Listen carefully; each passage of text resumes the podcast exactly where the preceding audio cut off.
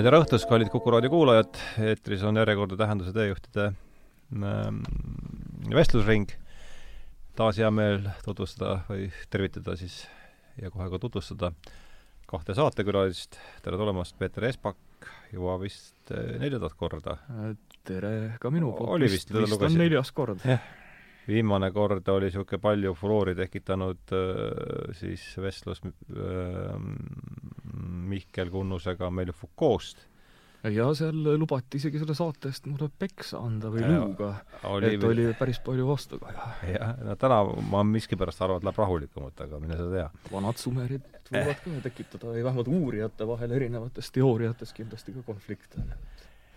jaa, ja siis esimest korda tere tulemast, Andreas Johandi tervist! et äh, kuigi Peeter on neljandat korda juba saates, ei tee paha, veel äh, ütle enda kohta paar lauset, et millega sa tegeled ja siis anname sõna Andreasele ja, ja siis katsume saate teemas kokku leppida. ma olen Tartu Ülikooli usuteaduskonna doktorant ja ühtlasi siis Lähis-Ida uuringute nooremteadur Tartu Ülikoolis. ja Peeter on ühtlasi mu juhendaja tegeleme sarnaste teemadega. noh, ütleme, et äh, sa oled enda doktoritöö ja paljudel muudel aladel kindlasti minust targem, et ma ei osanud sind, ma ei osanud sind enam eriti kohe kuidagi juhendada, et sa, et oled saavutanud selle, mis on iga juhendaja unistus, et doktorant tunneb, tunneb oma uurimisala kindlasti paremini. no ma muidugi tänan selliste austusavalduste eest. absoluutselt ütle Peeter enda kohta ka paar sõna, et mina, mina olen Orientalistika Keskuses Tartu Ülikoolis vanemteadur ja ja juhin Ühiskonnauuringute Instituuti ja, ja kirjutan ja räägin raadios ja teen igasugu asju, et aga teaduslikult mind huvitavad vanad religioonid, religioonilugu ja vanad sumerid iseäranis mm. -hmm. et oleme Andreasega peaaegu vist Eestis sarnasemat uurimisala, kui meil kahel on, ei saagi olla, et ikkagi me oleme sellise vanema Lähis-Ida vanema, kolmanda, teise aastatuhande usundiloole ja ajaloole keskendunud. jah, meil need perioodid ja geograafilised piirkonnad on suhteliselt kattuvad meie uurimisalal, meie kahe uurimisalal. ja doktoritööd on meil ka struktuurilt sarnased, et monograafiad ühest muistsest Lähis-Ida jumalusest ja tema arengust, et aga enne jah, kui teema juurde minna, et teamegi siia stuudiosse jalutades tekkis endal küsimus, et mis toob kahte ikkagi suhteliselt noort, noort meest nii vana teema juurde, nagu on sumerid, sest ega meil siit äh, kirjakeele poolest ju kaugemale kui me räägime kirjast, siis ega kaugemale sumeritest ju praeguse teadmise kohaselt vist väga minna ei õnnestugi, või? noh, kolm tuhat viissada on nüüd juba pandud kiilkirja tekkeks, umbes see on nüüd kõige vanem kiri, mis meil üldse teadaolev kiri on. teadaolev, et me ei saa kunagi, inimkonna ajalugu on vanem, et esimesed linnadki on, linnalised asuladki on kümne tuhande aasta vanused.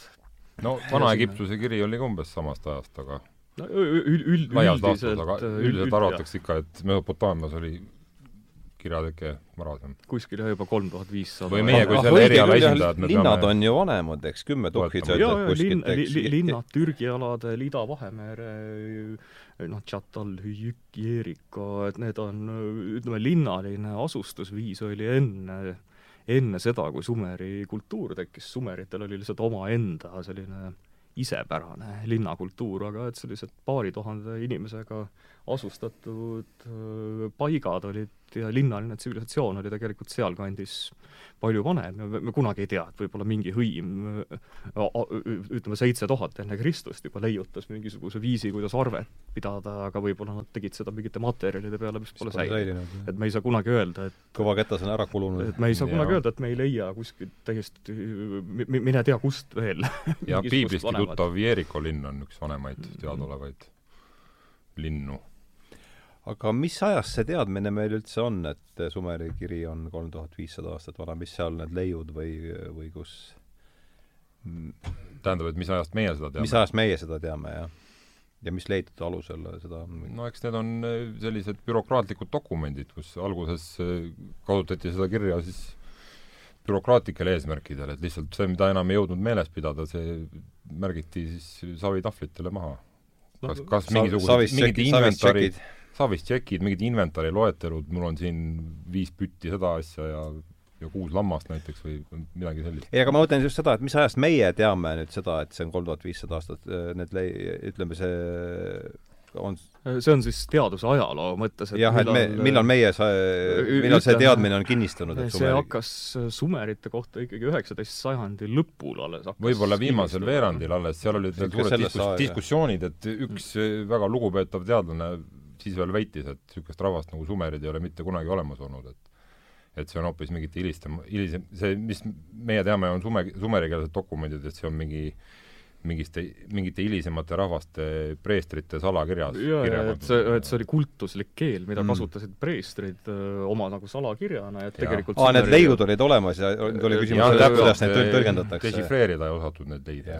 sest ja. see, et on mingi täiesti tundmatu päritoluga rahvas ja keel, et see ei mõjunud, no see mõjus liiga sellise jahmatavamana, et et seda noh, teadvustada siis ütleme, keele dešifreerimise ja, ja ka arheoloogiliste kaevamiste läbi, kui juba leiti, et on täiesti isepärane vana keel ja vana tsivilisatsioon, siis kinnistus ka see arusaam, et sumerid ja olidki päris rahvas. jah, üheksateistkümnenda sajandi viimasel veerandil, võiks öelda. kas see on see kõik see aeg, kui see, mis ta oli, Schlissemann, kes käis Troojat kaevamas või, või see oli varem, oli, oli, oli ta Schlissemann, ma ei mäleta? Schliemann. Schliemann, vabandust, jah.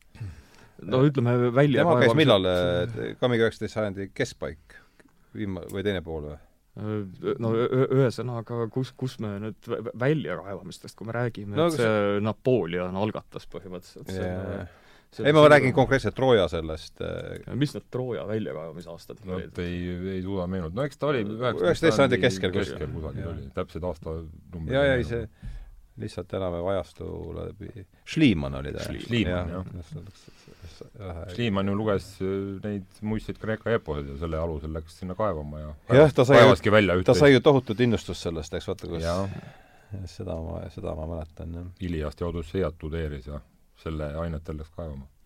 ja, ja lõi kabida, labida ka õigesse kohta. ja lõi täpselt õigesse kohta labida, jah et noh, see ühesõnaga, aga noh, Lähis-Ida mõistes kõige esimesena seda huvi kannustas kõige rohkem tõenäoliselt ikkagi huvi piibli vastu.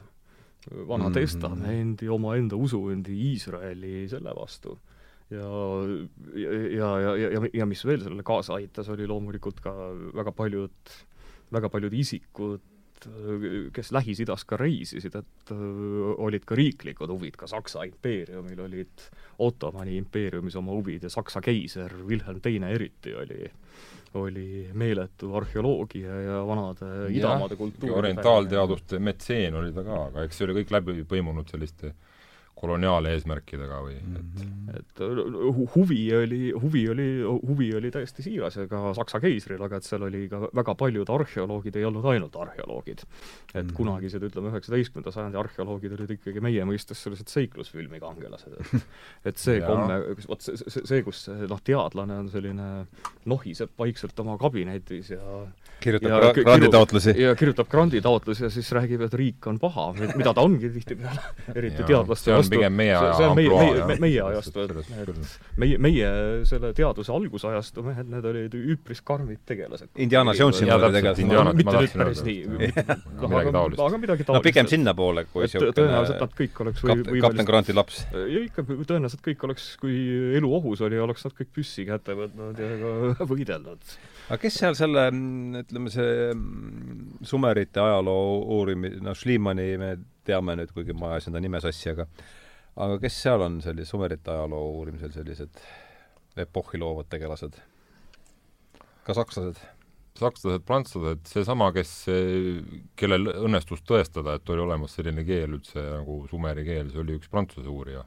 Jules Oppert oli ta nimi. Jules Oppert, Oppert. Oppert, jah, ma ei ole prantsuse haldusest tugev, aga kuidas tema siis, tema siis mis see perenimi oli? kirjutatakse eesti keeles opert, aga kahe, P-ga, jah. opeer loeb. et tema siis väites selle teise lugupeetud professoriga, see, kes väitis, et, et sumereid ei ole üldse kunagi olemas olnud ja ja opeeril õnnestus siis tõestada, et siiski oli selline aga öö, no see, see, see oleks, see oleks no, varem või hiljem nagunii välja tulnud. jah, sellest, selles mõttes, et need, need allikad olid olemas juba sajandeid, et, et idamaade rändurid olid tassinud Euroopasse neid kiilkirjatahvleid ja keegi, keegi ei osanud nendest, nendest midagi arvata mm. -hmm. enne seda. esimesed dešifreerimised, kus õnnestus mõned üksikud märgid ära dešifreerida, see ei puuduta küll sumeri keelt otseselt, aga kiilkirja laiemalt. see oli vanapärsia keel üldse, mida algselt dešifreeriti, see oli, oli tuhat kaheksasada kaks oli Göttingeni ülikoolis selline tegelane nagu Grotefend.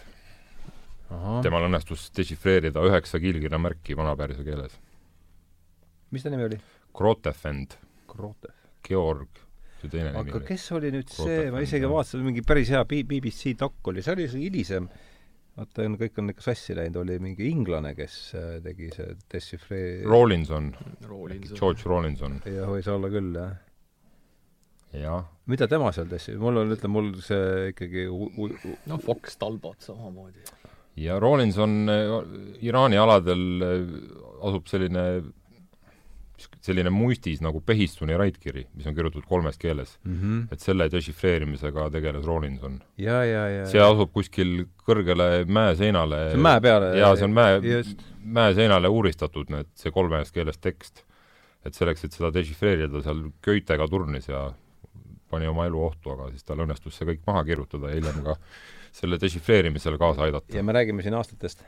see on neljakümnendatel, tuhande kaheksasaja neljakümnendatel toimus see. kas tema, kui ta selle publitseeris, ma võin eksida siin mõne aasta, tuhat kaheksasada nelikümmend seitse võib-olla midagi taolist. et see oli siis, sumeri keelt seal ei olnud, seal oli siis vana-pärsia, eelami ja ja akkadikeelne kolmkeelne raitkiri. see on see ka mäe, mäe peal, eks ole. et seda alt ei ole võimalik üldse kus see on? mäejalamil seistes ei ole kus see on võimalik. see on, see asub siis äh, Lääne-Iraanis. Mesopotaamiast mitte väga kaugel, Iraagi aladelt mitte kaugel. aga see huvi on ikkagi kõik seotud selle romantismi, see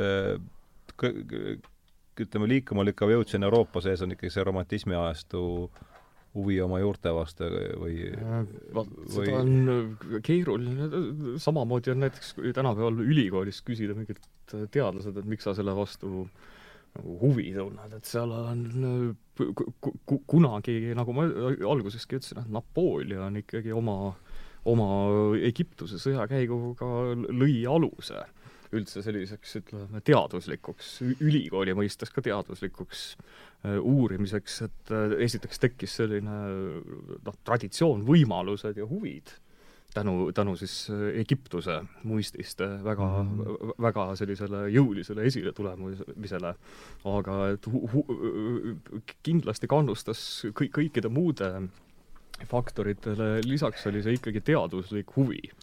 Ühesõnaga, selle aja uurijad, mõtleme sellise, olgu see siis saksa klassikaline teadlane kuskil või rännumees või olgu ta, olgu ta Prantsusmaalt või Inglismaalt, et nende inimeste ikkagi isiklik huvi ja see entusiasm oli meeletu, sest nende kõikide reiside väljakaevamiste puhul riskiti ju omaenda omaenda eluga, aga samas muidugi see, mis sealt tagasi sai, et kui sa ikkagi ütleme, midagi dešifreerisid, midagi välja kaevasid, siis sa olid oma aja superstaar, et no nendest Napoleoni kohta veel võib ju lisada, et eh, sealt üks tema armee ohvitser tõi kaasa sellise tähtsa muistise nagu Rosetta kivi. just sellest ma tahtsin, millal see Champollion oli siis selline prantsuse teadlane, kes tuhat kaheksasada kakskümmend kaks õnnestus tal see dešifreerida. tuhat kaheksasada kaks ja see oli samuti kolmkeelne dokument, seal oli kahte Mhm. tüüpi Vana-Egiptuse kirja ja, ja siis kreekakeelne kiri, mille alusel ta siis jah, Rosetta kivi tuli oli tuhat kaheksasada kakskümmend kaks, jah, kui ma ei 822. jah. Mhm. aga aga, aga su- ta, jah, ta tähendab, mis Lähis-Ida vastu kindlasti huvi kasvatas, oli, oli põhireligioon oli kristlus ja kristlus omakorda põhines, ütleme, kiriku pühakiri oli ka Vana Testament. ja oli nii usuline, ajalooline kui seiklusjanulik huvi teada saada, et mis siis seal piibli ajastul mis siis päriselt seal toimus, millised rahvad ka- olemas olid? olid ka mit-, sellised eh, sensatsioonilised olukorrad, kui siis eh, ka siis üheksateistkümnenda sajandi teise poole äh, Briti uurija George Smith oli ta nimi, kellel õnnestus leida siis äh, mm, leida siis veeuputust kajastavad dokumendid Mesopotaamia kohta, et te või, võite arvata, et mis sellist, sel-, selle, sellel ajal siis usuringkondades põhjustas see need tema leiud, pidas selle, selle kohta siis Inglismaal ettekande ja see oli, see oli tõeline sensatsioon. ütle, ütle palun nimi veel. George Smith, George Smith. jah, see oli vara lahkunud Briti orientalist. ja ta leidis veeuputuseelsed dokumendid. ta leidis veeuputuslood. veeuputuslood, see oli Gilgameshi eeposest pärinev veeuputuslugu, no lihtsalt, et see, et Vana Testamendi veeuputuslool on olemas selline e eellane ja see, Mhm. see põhjustas šoki teatud ringkondades.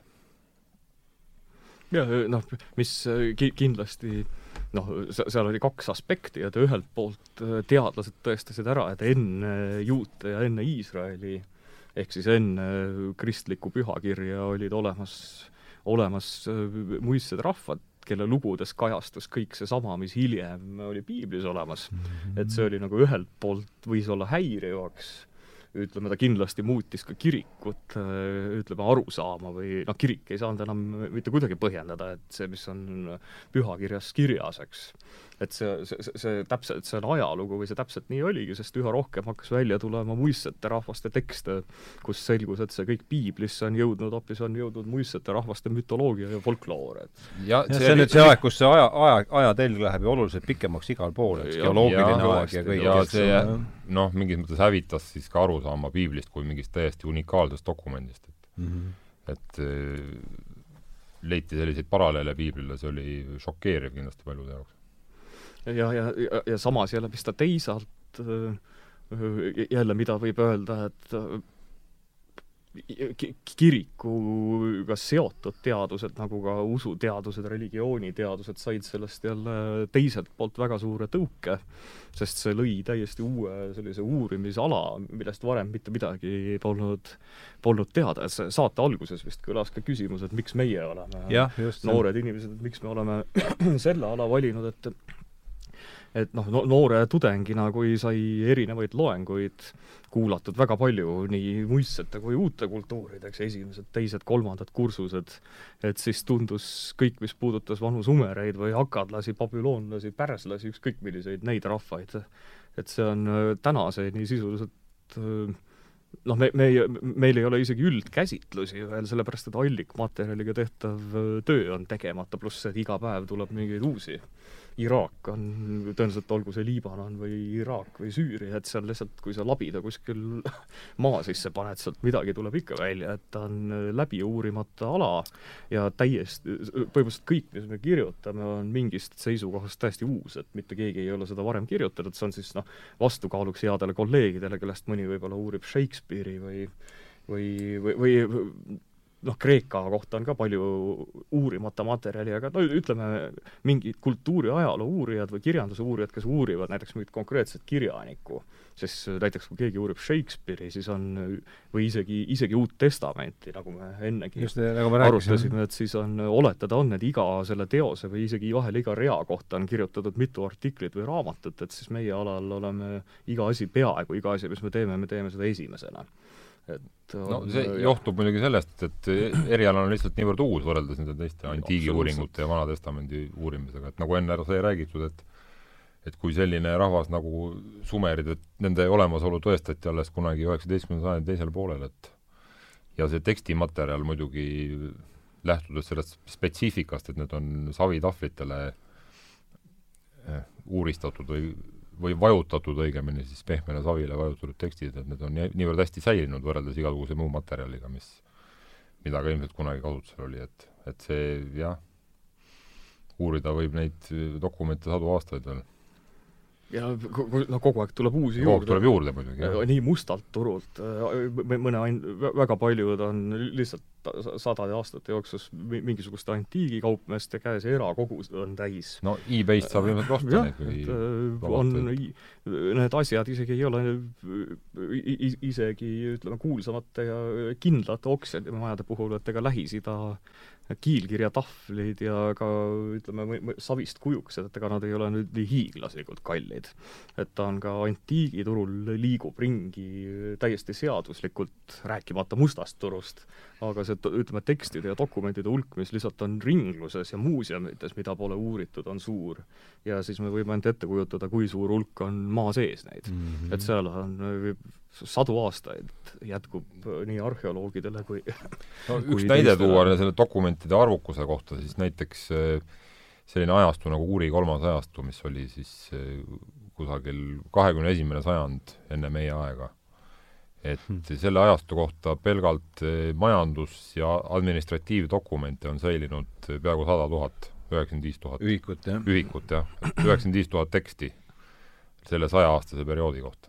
ja need on, ja neid on no. ja, ja kui nüüd mõelda, et see kiilkirja kasutusel oleku ajastu kestis kolm tuhat aastat, et siis mhm. palju see kõik kokku võib teha. ma olen lugenud mingeid hinnanguid ja keegi täpselt ei tea, palju neid tekste kokku on praegult välja kaevatud, aga no üle miljoni ilmselt kindlasti, et no ma täiesti kindel. vabalt võib-olla mitu miljonit, et keegi aga sumerikeelsed tekstid dešifreeriti esimest korda millal meil?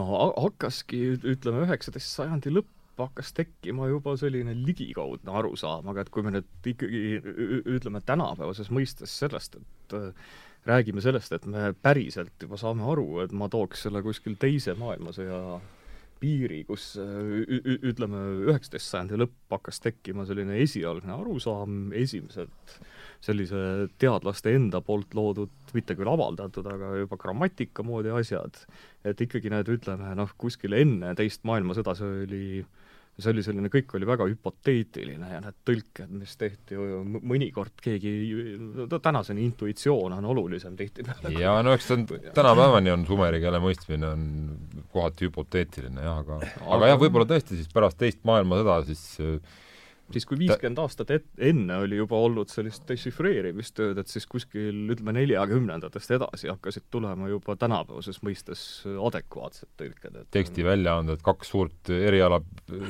edasiarendajat kahekümnendal sajandil, üks oli siis ameeriklane Kramer ja teine oli taanlane Jacobson. et nemad siis, või Jakobsen, nemad siis, Kramer andis välja väga palju Sumeri müüte oma väljaandes, istus siis Istanbuli ja äh, ja Philadelphia kiilkirjakogude keldrites ja pani neid äh, kiilkirja tekste kokku. sest ja kiilkirja tekstide puhul on see oluline, et äh, paljud on säilinud fragmentidena, et, et kõigepealt tuleb ära teha see, kuidas seda eesti keeles öelda siis, collation inglise keeles, et kokku no, panna see asi kildudest kokku panna. no see on ju mosaiik, eks ole. et sa pead sobrama nendes sadades tuhandetes jupikestes ja neid koostama, et Samuel Noah Kramer oli üks äh, tähtis tegelane sellel alal, kes neid müüdikesi ja jutukesi kokku pani. jah, tema oli Ukrainast äh, juudi pogrommidest, siis perekond põgenes USA-sse. ja, ja siis kõigepealt ta tahtis vist ärimehe karjääri alustada, siis ta läks pankrotti, siis ta tahtis ilukirjanik olla. kirjutas mm -hmm. ka mingisuguseid raamatuid, aga edu ei saavutanud, aga kuna ta vist oli harituvast perekonnast ja oskas igasugu heebrea ja muid keeli, et siis ta avastas, et üks võimalus, kuidas sellist Ameerika unelmat täita, on, et ta võib ju hoopis teadlaseks hakata. ja mm. tõenäoliselt, miks ta, tegelikult oli maailmas, tema populaarteaduslikud raamatud olid väga kuulsad ja siiani on. jah, eks ta eriala populariseerijana on väga oluline. mitte, mitte ainult tippteadlasena, vaid Kramer, jah? Jah. Samuel Kramer. Samuel Noah Kramer ta vist ja. suri, kas see oli üheksakümmend üks või? üheksakümmend, üheksakümmend üks või midagi taolist. kas ta oli tuhat üheksasada tuhat kaheksasada üheksakümmend seitse oli sündinud vist, jah. ja tuhat üheksasada viis vist pere läks jah, kunagi kahe, jah, pogrommidest põgenesid seevastu. tema autobiograafia on välja antud, väga huvitav lugemine, mis mm. Ne-, need on siiani, need on siiani seesama jutt, mis Peeter rääkis just, et kuidas ta jõudis erialani ja aga teie siis nüüd loete sumeri keelt mõlemad vabalt või no,? nii, niivõrd-kuivõrd, mida see no kindlasti see, et päris niimoodi ei saa seda ette kujutada, et ajal, et, ajalehte niimoodi et öökapi peal on need savitahvlid vedelevad ja siis enne uinumist no loed. siin ühesõnaga seal ütleme müütide puhul, noh loomulikult, kui seal on, et mingi kuningas ehitas selle maja või mingi selline kaks lauset kuskil tellise või savitüki peal, siis saab kohe aru, aga et müütide puhul seal ikka tuleb kirjandusliku keele ja kujundite peale väga hästi mõelda, aga tuleb üks, ükskord loengus üks inimene üli, ülikoolis siis Mesopotaamia kultuuriloo loengus, et üks inimene, tudeng ütleski, et äkki ma ütlen midagi sumeri keeles või et kas see on võimalik ja siis ma mäletan, et jälle, jälle oli mingisuguseid reforme, oli keegi rektor hakanud tegema, et siis ma oskasin öelda, et ütlesin, et ma ütlen teile siis, kuidas sumeri keeles oli, et ülikooli rektor on eesel. et siis oli Enn Tuup Kalla Antše Amm. Jah. N.E. Tuub Kalla Antše Amm. Antše on eesel ja, jah, ja, ja siis hobus suure, suure tahvlimaja isand on eesel. jah, jah. et siis võib, suur, enam suur tahvlimaja on ülikool või? no E-tuppa ehk siis tahvlimaja oli Jaa. kool, E on maja, tupp on savitahvel ja see baa seal lõpus on siis genitiivi. jah, et kool ongi savitahvlite maja ja see on ka huvitav, et Antše on Mm. eesel, aga et et näiteks hobuse nimetus sumeri keeles tuleb ka otse sellest, lähtub sellest eeslist. Antše kur-kurra, see tähendab nagu mägi-eesel. mägi eesel, Jah. kurr on mägi, Antše on eesel. see on muidugi seetõttu, et hobuste kodustamine leidis aset märksa hiljem, et siis neile seostus selline loom nagu hobune kõigepealt eeslitega. aga kus meil üldse mingi e- ettekujutus sellest foneetikast on?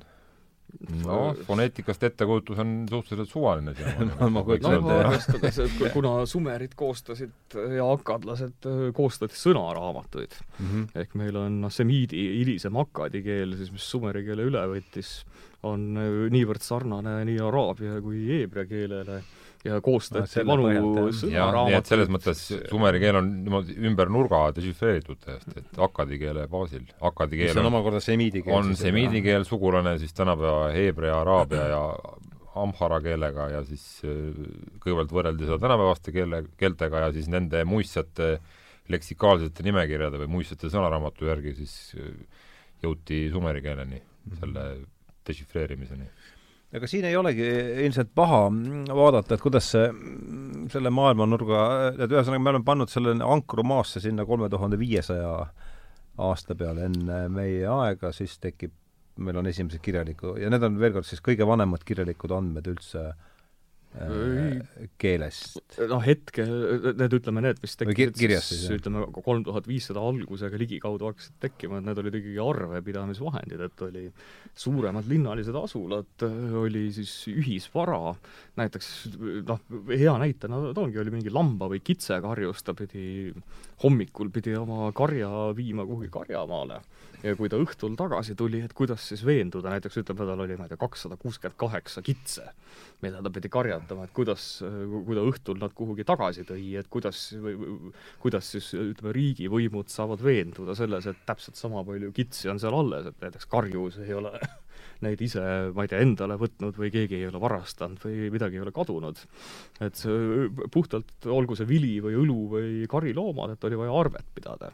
suured linnalised asulad tingivad selle, et sul on nagu ühisvara üle, mis muutub väga suureks ja kui sa ei- ladudes karja ükskõik mille üle sa ei suuda arvet pidada, siis no ütleme, riigi struktuur ei, bürokraatia ei toimi ja siis oligi no põhimõtteliselt joonistati või tehti mingeid sümboleid eri asjadele, lambad, härjad, kitsed, vili no eks algselt oli, oli piltkiri nagu Egiptuse kirigi, aga siis ta abstraheerus erinevalt Egiptuse, Egiptuse kirjast suht kiiresti. kuidas Et need- num-, numbrid olid äh, neil või kuidas, kuidas selle numbrid olid, kuuekümnend süsteem oli seal, et mitte kümnend süsteem nagu meil.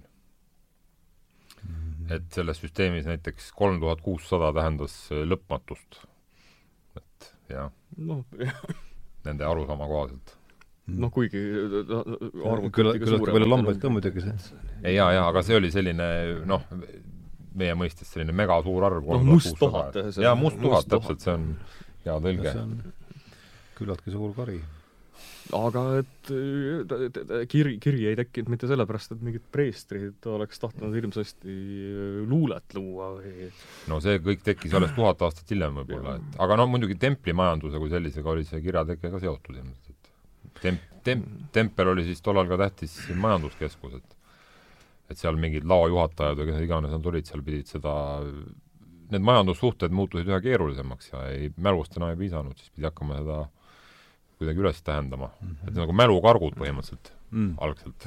no ja te, te, teine, teine ju saavutus, millega ka riiki koos hoiti, oli siis ütleme, raha eellase tekke ehk mõõtühikud. Et oli, see oli juba siis uruki vanas riigis need kas või kausid, mis olid standard ütleme, keraamilised nõud standardsuurusel, et see ütleme, algne raha oli, oli tähenda- või, või kui me tänapäeval räägime sellisest noh, abstraktsest asjast, et meil on mingi, ma ei tea, viieeurone sedel, millel siis me kujutame ette endale, et tal on mingi reaalne väärtus, et siis äh, vanas Sumeris äh, olid mõõtühikud, et näiteks äh, mi- mingi konkreetselt riigi poolt paika pandud tassi suurus, tõ- tõenäoliselt siis riik kehtestas, et tõenäoliselt nad tegid mingi valuvormi, kus sai siis seda kaussi, kõik pidid standardiseeritult sedasama nagu mõõtühikut kasutama ja siis ta, kui tekkisid eri kaupadele eri mõõtühikud, siis tekkis ka võimalus neid mõõtühikuid konverteerida. et kui palju näiteks, kui palju vilja on võrdeline ühe, ma ei tea, tünni õllega või või kui mitu seda kaaluühikut hõbedat see võrdub näiteks viljaga. ühikute süsteem, see tekkis seal vana-Akkadi ajastul vist kusagil. no juba Urukis on nende standardiseeritud, ütleme juba kirjaga tõenäoliselt ühel ajal, standardiseeritud mõõtühikud ja, ja no selles territoriaalriigi tasemel Mhm. ja vana-Akkadi ajastul. aga nüüd ongi hea järsku käia üle see ajaline järgnevus, et meil on kolm tuhat viissada on siis äh, enne meie aega on Sumeri aeg, nii. no see, see tõenäoliselt oli juba ennem, jah, aga noh, ütleme meil ei ole lihtsalt kirja. Uruki ajastu siis jah, kogu neljas aastatuhat peaaegu. Uruki ajastu. Uruk oli siis selle aja maailma suurim linn. jah, kui suur ta täpselt oli, seda ei tea keegi. ja see paikneb meil nüüd kus täpselt siis noh, Lõuna-Iraak, Lõuna-Iraagis, nagu, nagu nad kõik. nii kolm tuhat viissada ähm, kuni nüüd on Uruki ajastu meil siis ka kaua?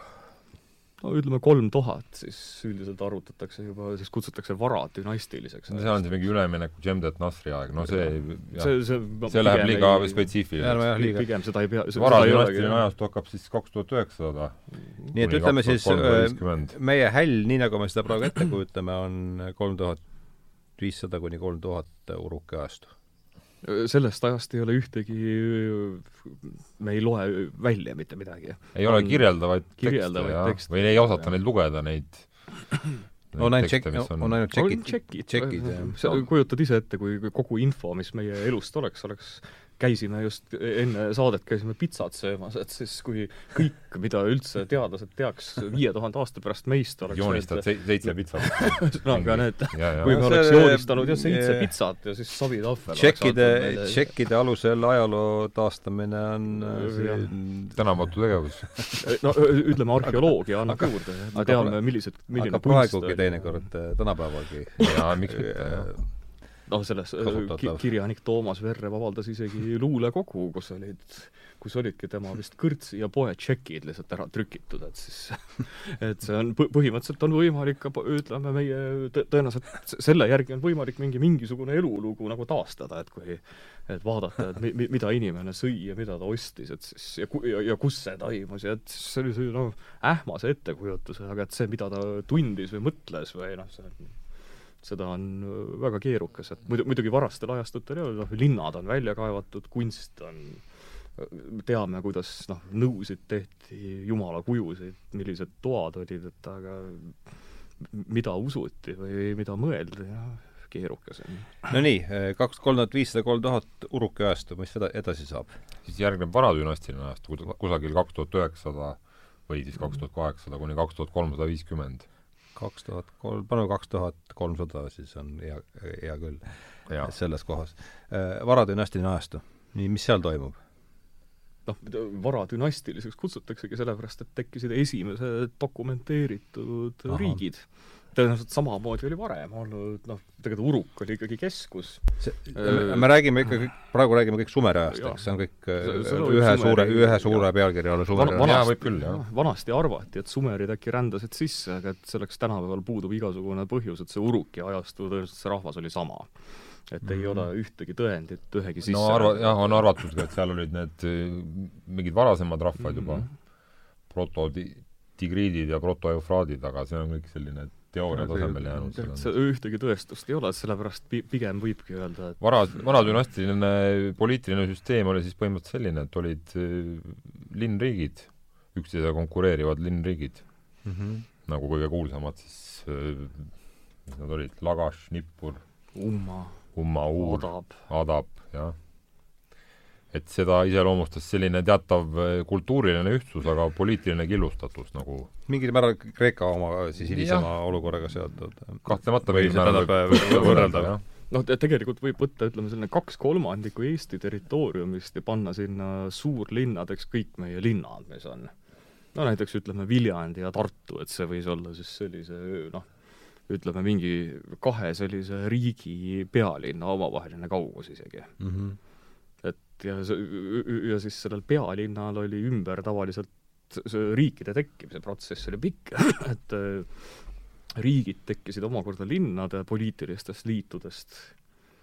et äh, ütle, riigid tekkisid Riigid linnade no tekkisid- territoriaalsemad riigid, aga see on, need on nagu hilisemad arengud selles mõttes, nii, aga hästi, varadünastilise nii, ajastu kohta me ei, ei tea tuhat, ütleme, et kaks tuhat kolmsada on nüüd varadünastilise ajastu lõpp, mis edasi saab? Edasi tulevad semiitidest akadlane Sargon vallutab ära. Sargon Akkad on jah, tema oli akadlane semiidi rahvusest. kaks tuhat kolmsada, noh, ütleme kaks tuhat kolmsada nelikümmend on see kokkulepe, aga tegelikult me ei tea täpselt. kolmsada, kokkuleppelised aastaarvud on selles no see on siis esimene selline territoria-, territoriaalriik. mis ajani see kestab, et umbes oleks? see kestab paarsada aastat või no okei. isegi sada Kaks tuhat ükssada viiskümmend. no paneme kaks tuhat ükssada.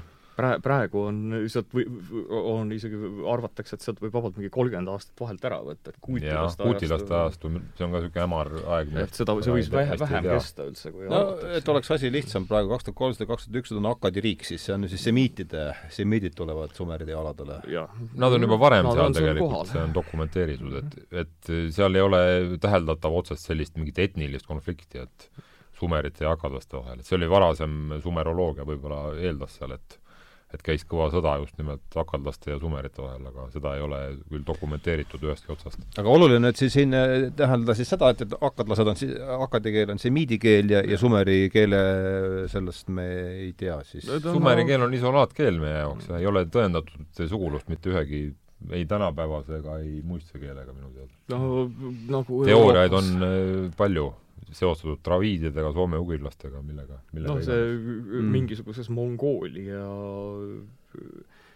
see, see sumeri keeles on sõna jumal on tingir, tengri Mhm. kuskil on samamoodi seal. kas see ei olnud mitte Gruusia või? ja see on, see on levinud laialt, aga et see mingi- oli, kuskil keegi väitis, et see on mingisuguste Mongoolia alad. Ja ma olen võib-olla ka seotud. Gruusia kohta ka mingeid käsitlusi lugenud, just see, just see sõna tingir, et see on sarnane mingile Gruusia sõnale.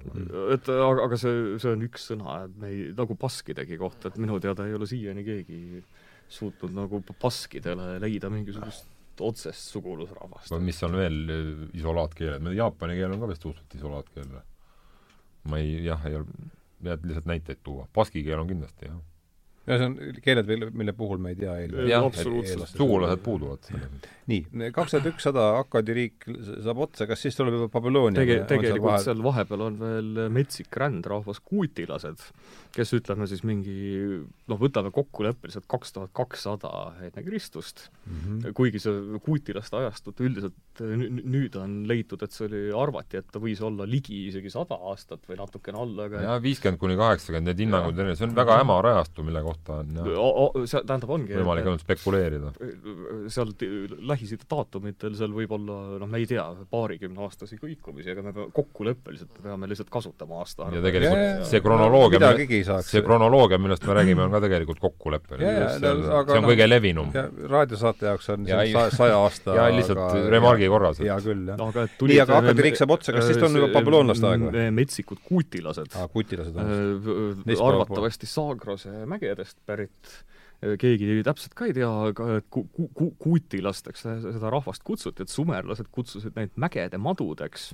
ahvideks Äh, kehavormidelt meenutavad ahvi, on Ja, Sumeri ja. kirjeldus. ja koera iseloomuga. ko- koera kaastunde ja instinktidega Ja, ja, instinkt. ja ah- ahvi kehavormidega, aga et nad, sumerid tunnistasid, et nad on siiski võimelised inimese moodi nagu toimima vahel. Et see No. mõtlemisvõime nagu on inimene, aga samas on koer või ahv. see on midagi sarnast nagu kreeklaste jaoks olid barbarid, need rahvad, kes kuskilt tsivilisatsioonist väljaspool asusid mm., kuutilased on Mesopotaamia võtmes midagi sarnast.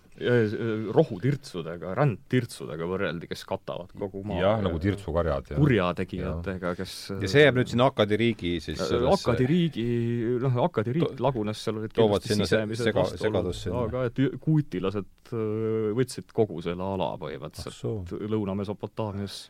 riigid, Lagash oli tõenäoliselt iseseisev, aga pidi andamit maksma. aga nemad transformeeruvad meil milleks siis, kui me ikkagi kahe tuhande ühesajast üritame kaks tuhat ükssada sumerid ühinevad, siis selline valitseja nagu Lagashi Gudea, Urri, Uruki kuningas Hutu Hengal ja Urri riigi kuningas Urnamma lõid liitlasväed, varem jälle arvati, et oli, et Kudea oli surnud juba selleks ajaks, kui kuutilased välja aeti. jah, aga il- aga nüüd on viimased teooriad on, et nad olid kaasaegsed, jah, minu, Tuhen-Kalli ja mi- minu Müncheni juhendaja Sallaberger Mü- Müncheni ülikoolist, sealne instituudi direktor, et ta just oma kolleegiga koos on kirjutanud selle uue kronoloogiatest raamatu, et siis nüüd on, tõmmati kaks, või õigemini kolm väga kuulsat Sumeri kuningat, kes kõik arvati, et nad valitsesid noh, pärast teineteist põhimõtteliselt meil, meil tõenäoliselt ei jää nende Sumeri kuningate Aga nimed nad- siin meelde, absoluutselt, aga et kolm siis Sumeri kuningat tõenäoliselt ühendasid oma väe ja lõid siis barbaarsed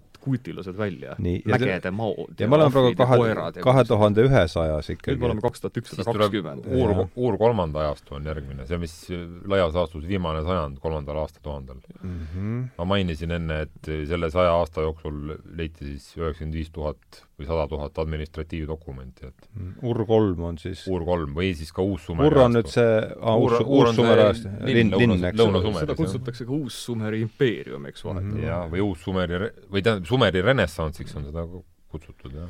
nii et selleks ajaks on kogu see Sumeri kultuurikeskkond meil siis kestnud juba tuhat viissada aastat. Mm, jah. vähemalt. vähemalt tuhat viissada aastat, jah. see, mis on dokumenteeritud, see küll.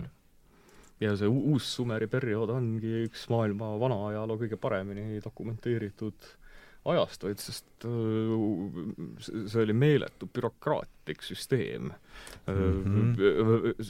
toimis veel hästi huvitav riigisüsteem oli, et oli selline mitte kommunism, aga ta kutsuti ümberjagamis Baala, Baala süsteem, jah. see oli siis, et üks provints siis, igal provintsil olid oma eripärad, siis põhimõtteliselt keegi, kellelgi oli midagi ja siis jagati nagu ja et korjati kõik kokku ja siis vastavalt vajadusele jaotati laiali uuesti selline Mhm. süsteem, jah. Nii, kaks tuhat on siis, lõpeb ära Ur kolma, uus Sumeri ajastu, mis edasi saab?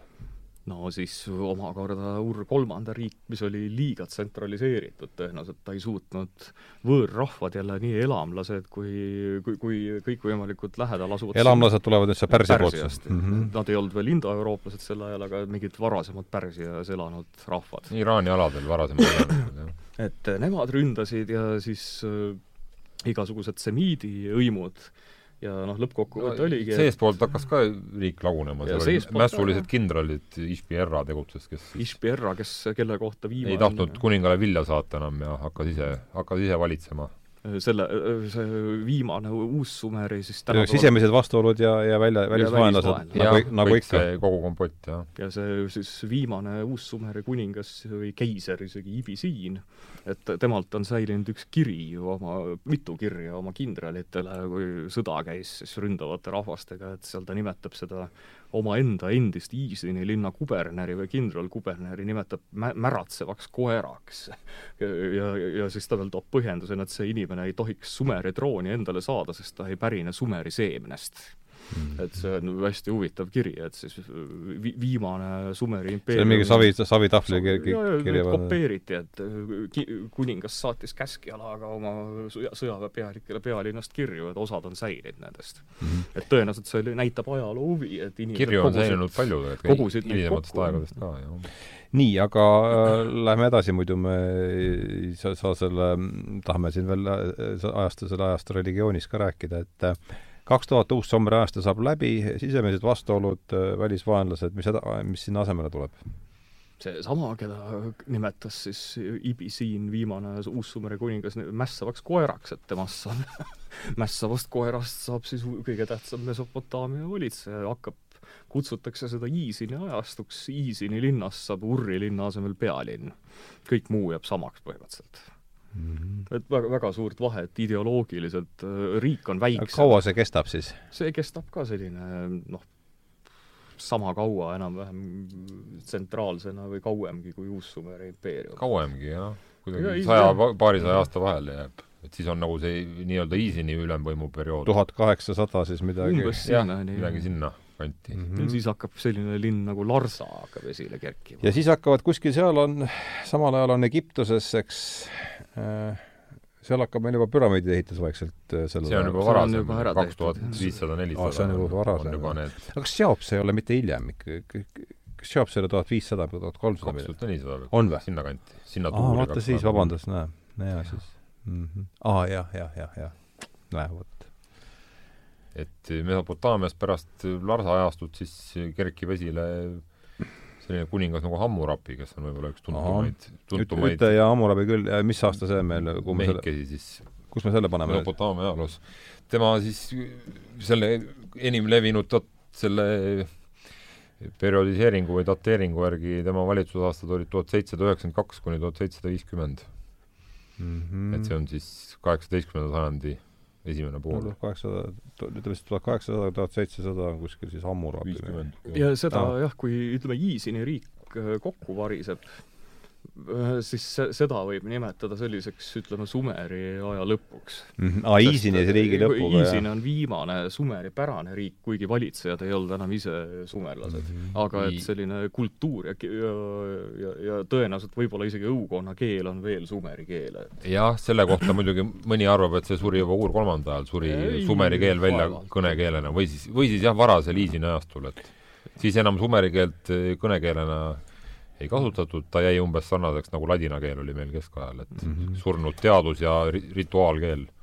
ja äh, Hammurabi on meil nüüd, tuletan meelde, mis, mis soost see, see valitseja meil on, nime tema on on Babylon- ta- nagu nad kõik seal amoriidid põhimõtteliselt, et et tulid, tulid noh, kas see on, täpselt ei ole paika pandud ja kust nad tulid tegelikult, no eks need lääne poolt tulid, lä- amoriidid, need nendega sõdisid juba Uur kolmanda kuningad, et olid sellised samamoodi nagu kutilased kujutati neid selliste metsikute rändrahvastena ja aga no vi- vist nii palju ei mõnitatud kui kuutilased no jah, tundub, et kuutilased olid selline ürgvaenlase kuju neil kui öeldi, et sõid toorest liha ja otsisid kuskilt maast, maa seest trühvleid ja see oli, see oli, see oli põhimõtteliselt amoriitide keel. Aga- tänapäeval gurmeetoit.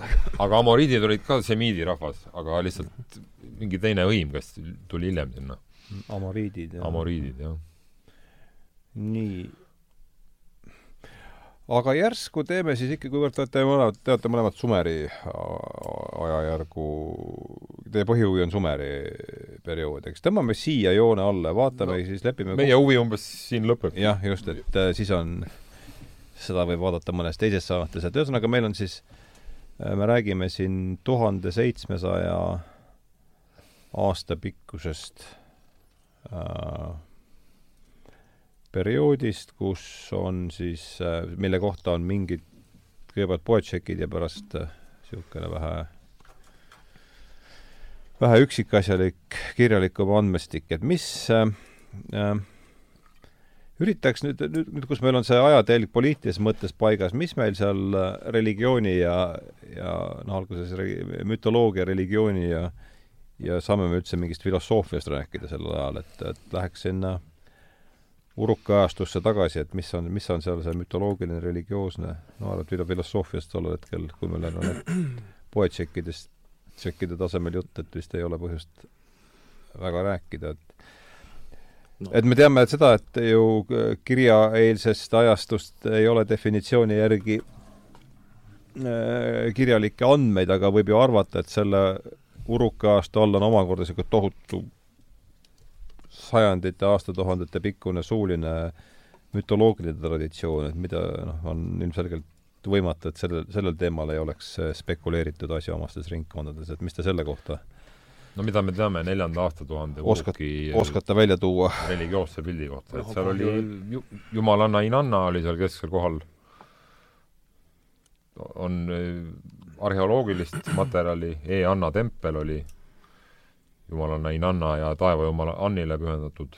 ega me selle folkloorse tausta kohta, mis, mis infot meil veel on, meil on Uruki vaas on muidugi olemas Uruki, ja kahju, et siin, siin eriti raadios, aga, aga siin me ei saa, ei, ei saa, ei saa pilte et näidata. meil ei ole täna kaasas seda Uruki vaasa, et kus, kus meil vist kõige aga kus lähem, kus on Uruki vaas? Berliinis Bergamoni muuseumis ma olen kõige lähemal näinud koopiat. aga see ju seoses Iraagi sõjaga ju varastati ära see on mingi talumees Bagdadi muuseumist varastati ära Uruki vaas. Et ja pärast saadi tükkidena tagasi. tükkidena Ah, saadi see, see oli jaa. Huvitav jah, et kui ju USA ei pannud ju Bagdadi muuseumi ette, sinna oleks võinud ühe tanki saata ja keegi ei oleks julgenud sealt edasi minna.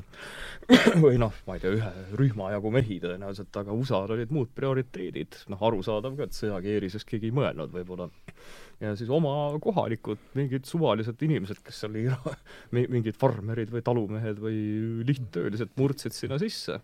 ja siis üks neist sai selle Uruki vaasi, üks maailma ajaloo kõige olulisemaid artefakte sai kätte ja varastas ära.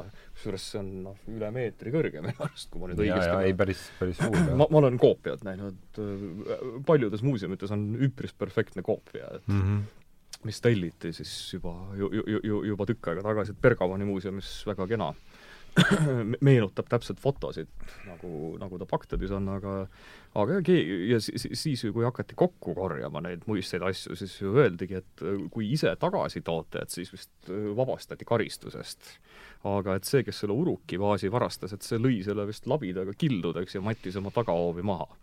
et ta ei, ei julgenud tõenäoliselt ta-, tagasi viia, aga see mingi vihje peale saadi kätte. ja nüüd on enam-vähem rekonstrueeritud see originaal. pandi kokku tagasi, jah? ja, ja tükkidest, ta mattis omale, minu, nii palju kui mina nagu aru sain, siis ta mattis maha selle vist. no arusaadav ka, et tõenäoliselt, kes teab, miks ta selle üldse varastas, et mida teha mingi kivist vaasiga, mis ei ole isegi värviline, aga ja ka mitte väga likviidne tõenäoliselt. no põh-, põh-, põhimõtteliselt maailma ühte kõige kuulsamat eelajaloolist eset mustal turul maha ei müü aga, aga et mis, mis ta huvitavaks teeb, ongi, et ta kirjeldab seda maailma püramidaalset struktuuri, et kõige all on vesi, veest, noh, ümmargune äh, vaasi, vaasi peal on see? ja ta on selline see on nagu mitmetasandiline, seal on äh, mitu, mitu rida kujutisi mm. -hmm. kõige all on vesi? kõige all on vesi. jah, ja siis tulevad taimed, siis minu arust ta on mingi püramiidikujuline või kuidas? noh, natukene vist läheb ülevalt tagurpidi püra-, tagurpidi püramiid ei, ta ei ole mingi väga erilise kujuga, lihtsalt niisugune selline vaas, natuke läheb üla, ülaosast laiemaks, nii, vesi? all siis ütleme, baasiala, seal on veelained, siis äh, keskmisel tasemel taimed ja kariloomad mingisugused. siis kariloomad on taimede kohal, minu arust meenutavad need lambaid. igaüks võib guugeldada, et uruki yeah. vaas või uruki või varka vaas, jah. uruki vaas, ingli-, see on nii eesti kui inglise keeles palju palju lugusid sellest. ja kõige kõrgemal tasandil on siis kujutatud, kuidas tuuakse jumalannale ohvreid. et terve kari inimesi tassib mingeid asju jumalanna suunas ja kõige esimene neist on siis äh, keegi selline, keda võiks välimuse järgi siis valitsejaks pidada, et vastavalt siis no, kuningaks või ülempeetriks või nii, aga see et siis ongi püramiid all vesi, taimed, loomad, järgmine sektor inimesed ja siis jumalad kellele inimesed viivad mm, -hmm. ütleme siis äh, kõiki üldse, mis looduselt võtta on, siis inimesed vi-, viisid siis sellele kõige kõrgemale püramiidi tipus olevale tõenäoliselt jumalannale. kirjas ei ole, et see jumalanna Inanna just oli, aga seal on teatavad tema sümbolid on seal, mingid ornamendid. mille kohta pilliro ornament, see spetsiifilise kujuga, mida on hiljem ka seostatud Inannaga, et vist, sellega võib arvata, et see on Inanna. seal vist, kui seda vaasi rekonstrueeriti, et siis või noh, teda ka vist puhastati või keegi väitis, et see võib-olla ikkagi ei ole Inanna, aga et arvestades, et see viljakus ja sõjajumalanna Inanna oli Uruki peajumalanna, eks, et noh, see on üpris loogiline, üpris tõenäoline jah, et see on, on Inanna või tema mingi eellane, jah nii et ühesõnaga kõige nii, kui me nüüd läheme siis sinna Uruki ajastusse, mis on kolm, saab alguse siis kirjalikud andmed kolm tuhat viissada, et siis esimene jumalus sellest ajast, mis võib mingil määral kokku võtta kogu selle eelneva suulise pärimuse, on siis jumalanna Inanna. taevajumal Ann ja taevalooma ja taevajumal Ann, jah. jah. ja tema see on meessoost. meessoost, jah ja siis hästi palju viljakus jumalannasid oli, Urukis oli viljakus jumalanna tuntud nime all Uraš. Ja oota, kes oli nüüd ikkagi Inanna? Inanna oli siis, Anni tütar? tema on Anni ja maa ürgse maajumalanna tütar. ja see ürgne mm. maajumalanna, tal oli eri nimi, Urukis oli ta Uraš, igal pool Sumeris teda kutsuti ka nimega Ki lihtsalt aa, seda ma olen, maajumalanna on siis Ki. jah, ja Ann ja Ki siis algses Sumeri mütoloogias nad tegid sugu ja sellest üldse maailm äh, alguse saigi, ehk maa ja see loomisakt on siis no, maa ja taevas tegid omavahel sugu, suguakti kaudu, siis mm -hmm. toimub loomisakt. see on üks versioon, jah. aga ja see võtab siis, nüüd tuleb see sellest eelajaloolisest udust ilmub see Uruki kuvand sellest urukist ja see on, nemast me siis teame seda, et see luuakse maailm taevajumal Anna ja maajumal jumalanna Ki no siis, seal äh, probleem on, et, et no ega selle ajastu kohta meil ei ole otseselt tõendeid. jaa, aga noh, see, ütleme, ma just räägin sellest eel, sellest eelajaloolisest hämmust nüüd midagi ilmneb mingi pilt ja see, ma üritan sellest pildist nüüd aru saada, mis sealt siis nüüd ilmub, oleme õigesti saanud meil enam-vähem? e- esimesed müüdid on pärit ligikaudu ütleme kaks tuhat kuussada enne Kristust ja ühesõnaga me ei tea, mis oli aastal kolm tuhat viissada, et kuidas jaa, jaa, ei selge, sest selge. äh, see võttis omakorda natukene alla tuhande kaks tuhat kuussada on siis esimesed ütleme, sellised säilinud esimesed pikemad müüdid, kus me saame rääkida sellest, me saame aru, ku-, kuidas mütoloogia, kuidas sumerlased nägid, et maailm oli tekkinud üldse, mis aset leidis, jah, kaks ja tuhat kuussada, see seitsesada. kirjaviis on tollal veel piisavalt efektiivne, et nende müütide lugemine on väga keeruline, et seal on, leiame umbes sarnast konteksti ja sarnaseid tegelasi kui hilisematest müütidest, mida osatakse lugeda, aga et seal on jah, see, see meile tuttav eh, jumalate pilt on juba seal kaks tuhat kuussada, kaks tuhat viissada, ütleme, et see on seal, seal on selle seemned juba olemas, jah. ja see, ja et see, jumalaid on seal mainitud, kelle kohta me hilisematest allikatest lihtsalt rohkem teame. ja see pilt on siis ikkagi üsna plura-, pluralistlik, ma saan aru, selline po-, poli-, polüteistlik pilt, eks ole, noh, mis alati välja tuleb, ongi see, et müütide alguses on, kirjeldatakse taeva ja maa omavahelist lahkuviimist, mis on ühtlasi sümboliseeritud siis sellega, et taevas ja maa teevad omavahel sugu. ja siis järgmisena on tihti müütide alguses kirjeldatud, kuidas siis selle suguakti tulemusena sündisid uued jumalused, kes omakorda asusid uusi jumalusi siis produtseerima, et ma, ühesõnaga maailma loomise müüt ainus, mis meil on Sumerist, on, on puhtalt jah, see on sugu tegemise müüt ehk tae-, meessoost taevas ja naissoost maa. ja seda ta-, tihti on kirjeldatud mitmete müüdifragmentide ja müüditekstide, mis on varadünastilised, siis kaks tuhat viissada, kaks tuhat kuussada vanad, kirjeldataksegi, aga ühes tekstis on välgu, ütleme, tormina kirjeldatakse et taevast Seda- tuleb vihma ja välku lööb ja siis pärast seda jääb see maajumalanna jääb rasedaks. et selline lo- lo- looduse vaatlusel sündinud noh, üpris rohi ja taimed hakkavad ju kasvama, kui on taevast vihma alla sadanud, et tõenäoliselt siis muist-, muistne inimene arvas, et äh, tehakse sugu, noh.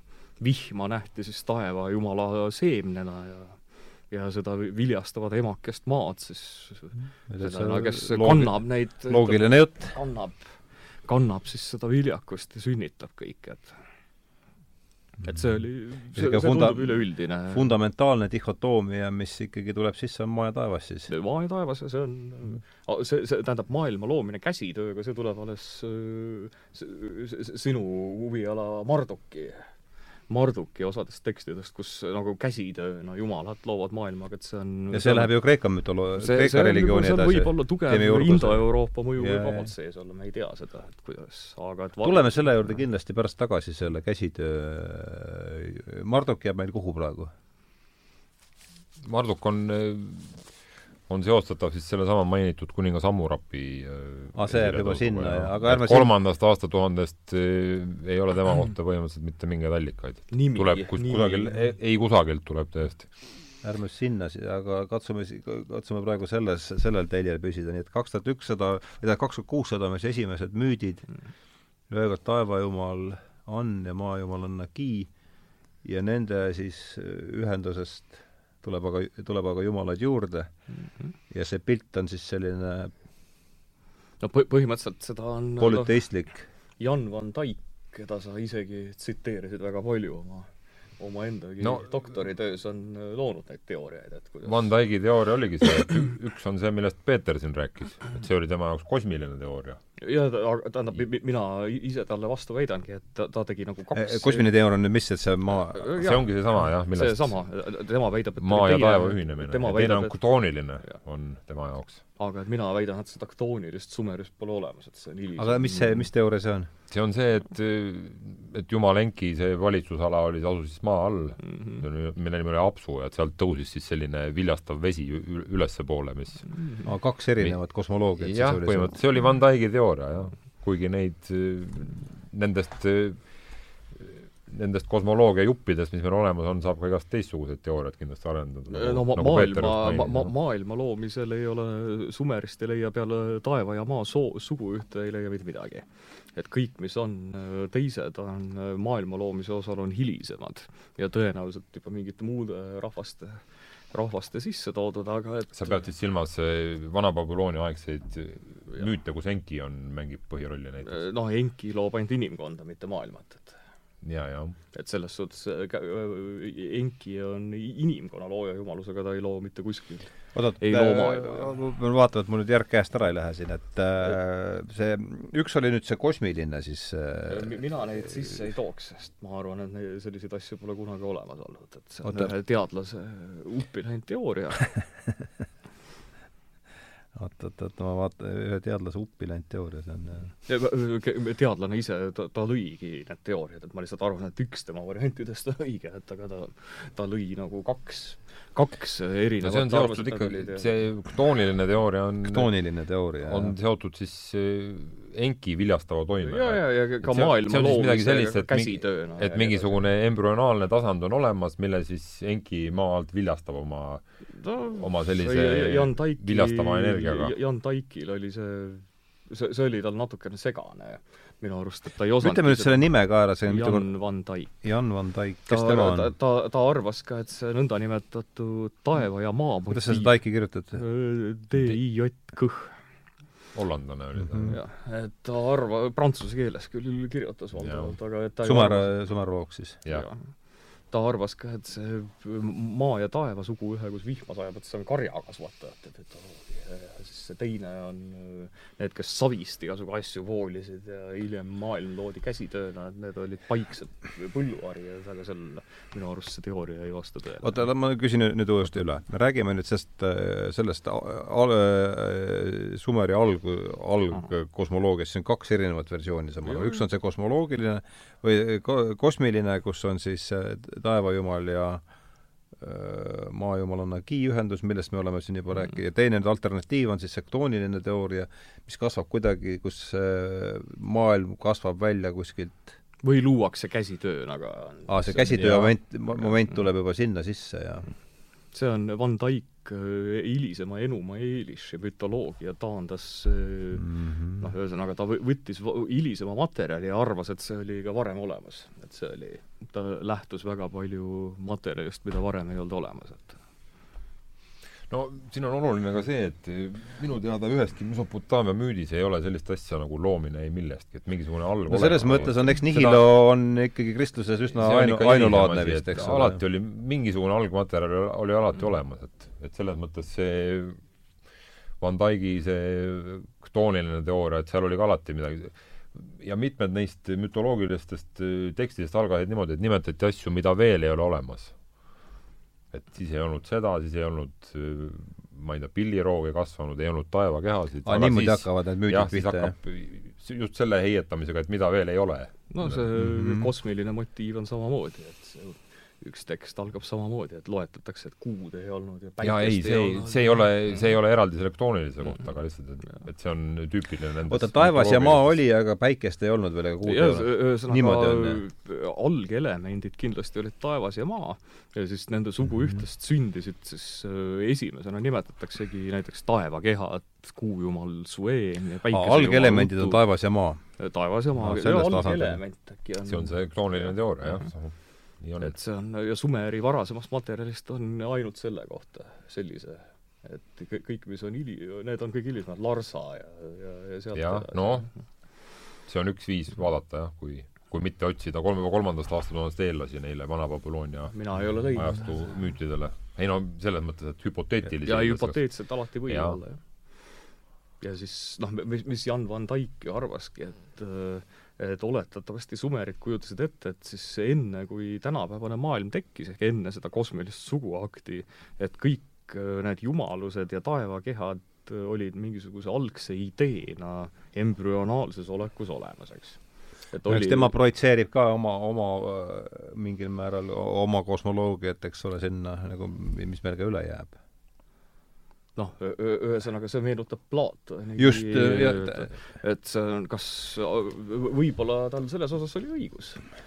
et jah, võis olla, sest ilmselgelt sumerlased ja tõenäoliselt juba lapsed ju mõtlesid, et kui kõik teadsid, et taevas ja maa tegid, tekitasid meile selle kaasaegse maailma, mis on, et nad kindlasti mõtlesid, et mis siis enne oli, kui nad veel sugu ei teinud, eks et see jah, et võib-olla sumeritel oligi mingi, et oli mingi selline staatiline ettekujutus üksteisega koos olevast siis mees- ja naisalgelemendist, aga et mingi tsivilisatsiooni idee või kaasaegse, et see ideena eksisteeris. ja siis viljastav äh, suguühe kutsus siis selle vormide kutsus selle vormide kõikide esi, esiletuleku põhimõtteliselt nagu no aga seda, seda algolekut ongi siis tihti väljendatud selle eituse kaudu, et loetletud neid asju, kümme rida loetleb, siin ei olnud seda, siis ei olnud seda jumalat, siis ei olnud preestreid, siis ei olnud templeid ega mitte midagi, aga no mingisugune embrüo on tõesti olemas, et päris ei kusagilt ei teki need asjad, mida siis, mida siis see mm -hmm. kosmiline, kosmiline see loomisviis siis looma hakkab jah, et ühesõnaga jah, aga eks nihilo või et mitte millestki, see on ettekujuteldamatu, et need taevas ja maa oma siis staatilises olekus olid sumerlasteks noh, igikestvad. et lihtsalt igikestvad algelemendid. jah, et tänapäevane maailm, selle alguseks müüdid veel kirjeldavad värske vee voolamist, eks. see on enki ja maailmakord ja kus üldse see värske voolav vesi ja enki ja ninhursang ja, ja, ja mitmed hilisemad müüdid ka. et ühesõnaga vee, värske vee voolamine tähistab ka siis tsivilisatsiooni või kaasaegse maailma algust. no see ongi seotud Enkiga siis eelkõige. Enki nimi on äh, käinud nii mitu korda läbi, et kes nüüd tema meil nüüd on? tema on Sumeri tema on doktoritöö kirjutanud. Sumeri viljakus, käsid, Sumeri viljakus, käsitöö ja, ja maagia jumal, üks Sumeri, üks Sumeri peajumalatest mm -hmm. meessoost jumal, kes on Sumeri müütide põhiline põhiline tegelane, et mm -hmm. tema ümber keerlevad, keerleb täiesti valdav osa Sumeri müüte, et -hmm. aga et jah, see, see, see hetk, kus luuakse tsivilisatsioon ja kus siis ütleme, algab aeg, võib isegi öelda, et algab aeg tõenäoliselt. Või et noh, ma arvan, et sumerid arvasid, et seda mingit ajakulgu või sündmuste kulgu ei olnud selles algses olekus et nii aja algamine kui vett, värske vee voolamine, uute jumaluste sünd, tsivilisatsioon, et see on, see on kõik, see on siis see uus ajastu põhimõtteliselt, et -hmm. mis, mis sai kõik tänu sellele suguühtele äh, teoks ja, või muidugi üldse su-, suguline läbikäimine on Sumeri müütides üldse väga, väga esil, et see ta on Nii. üpriski selline soo tegemisele öelda küll mm. -hmm. nii, aga siis äh, hästi, aga lä-, lähtume siis sellest kosmilisest loo, loomismüüdist praegu, sest äh, noh, me peame siin mingeid valikuid tegema, võib-olla siis teise juurde millalgi hiljem tagasi tulema. nii et meil on siis nüüd taevajumalann, maajumalanna Ki teevad omavahel sugu, nüüd te-, tekivad uue, juurde uued jumalad, aga inimene tuleb kuidas sellesse pilti? no sellesse pilti ta otseselt ei ei jõuagi. ei tulegi see, see on liiga, praegu me räägime tsivilisatsiooni algastmest sumerite mm -hmm. jaoks, et see inimene natuke võtab aega veel. okei okay,, aga siin et need, need on alles need kolmanda aastatuhande need müüdipudemed, mis on säilinud, seal inimese loomiseni väga ei jõutagi, et, et... et tuleb meeles pidada Sumeri kirjandusega seotud äh, asjaolu, et äh, enamus sellest kirjandusest on tegelikult pärit siis äh, teisest aastatuhandest. Et see on juba siis, kui Sumeri tsivilisatsiooni enam otseses mõttes ei ole, aga need lood on kõik sellest ajast säilinud. Ah,. Okay, ja keegi täpselt ei tea, kuhu nad täpselt tagasi ulatuvad, et Need, jah, need müüdifragmendid, mis äh, taeva ja maa soo, soo tegemist kirjeldavad, need on ütleme, kakskümmend viis, kuussajad, täiesti kindlad. aga ja. juba inimese loomise lugu on säilinud jah, Larsa ajastust, et ütleme tuhat kaheksasada enne.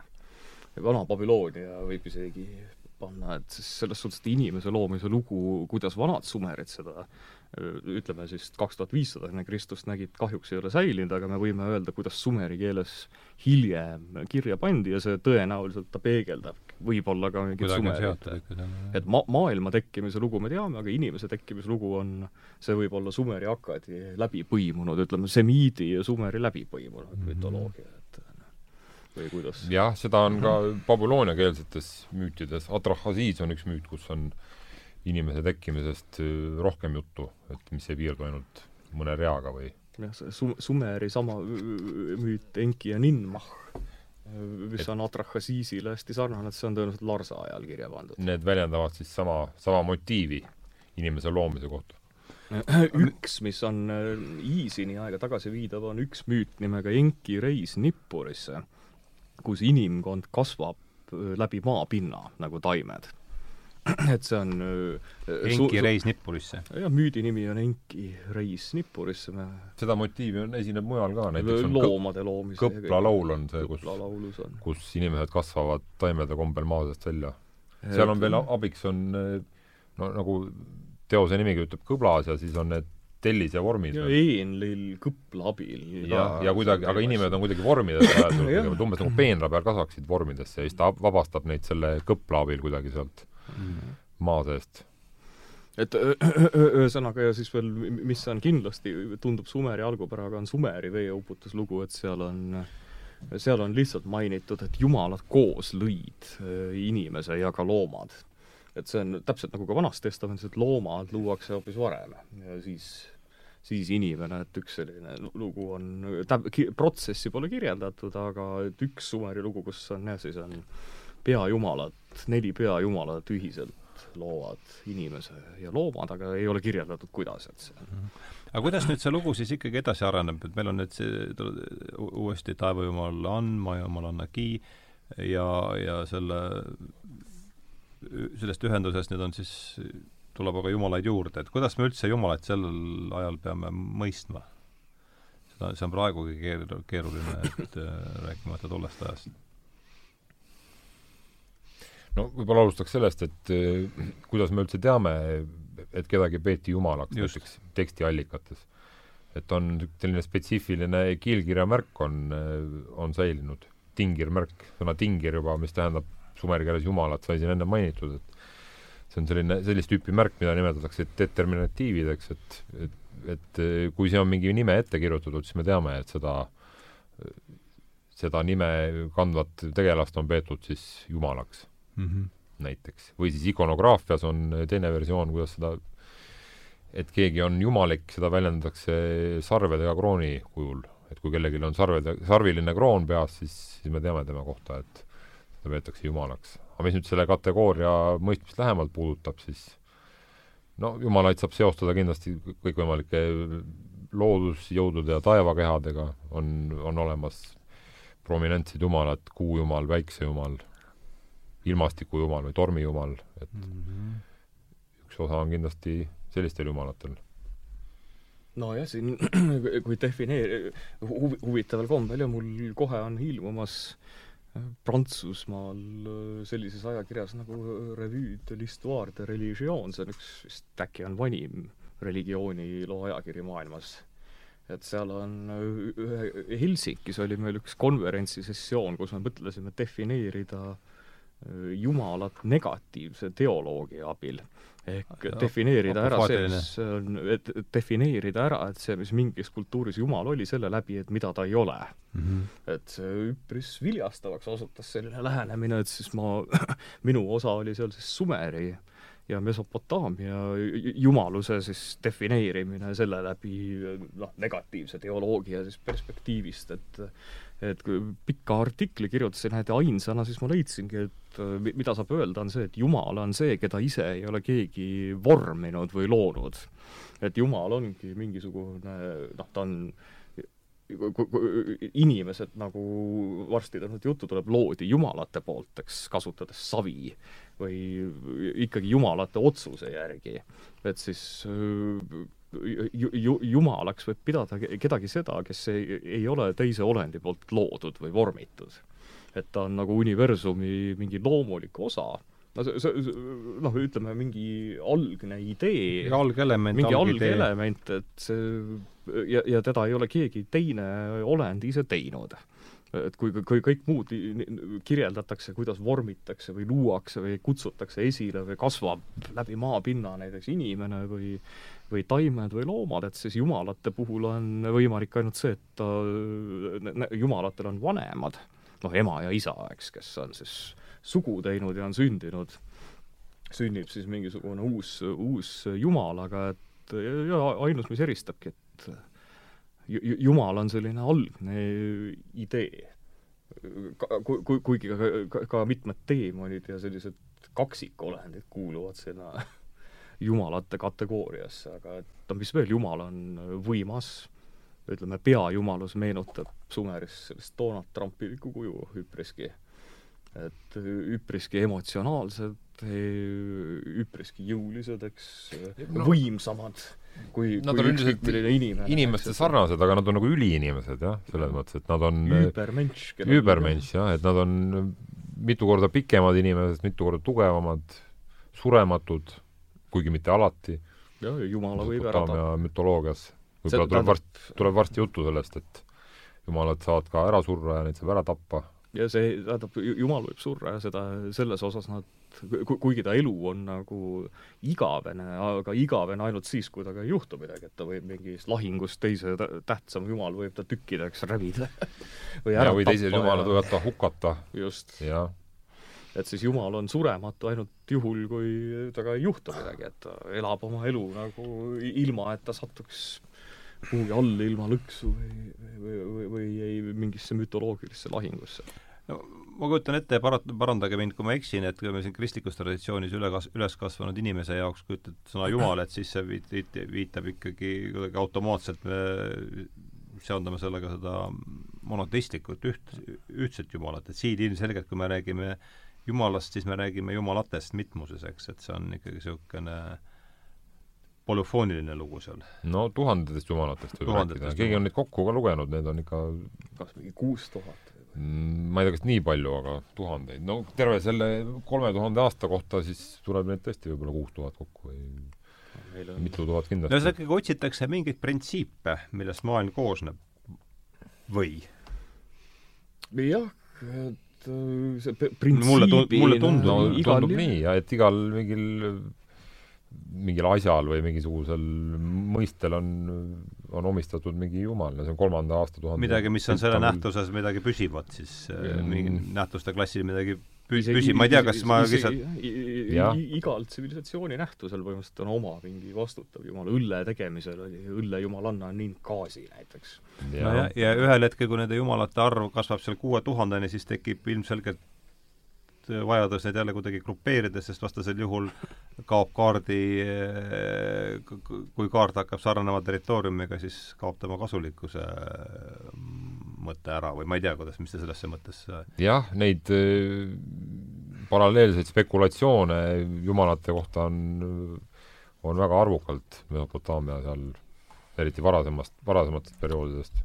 on olemas ju kõikvõimalikud kuningad, vabandust, jumalate nimekirjad kus on lihtsalt ilma mingite kommentaarideta on sadu jumalaid ritta pandud seal, siis meie tänapäevaste uurijate ülesanne on välja mõelda, et miks neid just niimoodi on grupeeritud või kes, kes nende nimede taga üldse on, mis sorti jumalad, et ja, ja, ja seda me rääkisime siin enne saadet, kui me kokku mõtlesime, millest see, et, et üheks suunaks võiks olla ja võib-olla või järsku tulemegi nüüd selle juurde, et et olukorras, kus meil see jumalate arv on seal seitsmesajani kasvanud või, või kaugemal, et noh, peaks tekib vajadus neid jälle uuesti grupeerida ja, ja paratamatult hakkab toimuma sellise liikumine mingi korrastatuse ja ja, ja seega ka monoteismi suunas, et, et kuidas seda, oled, oled sa nõus, olete te nõus selle väitega ja kuidas me vaata-, kuidas me seda järgnevat, järgnevat selles valguses vaataksime?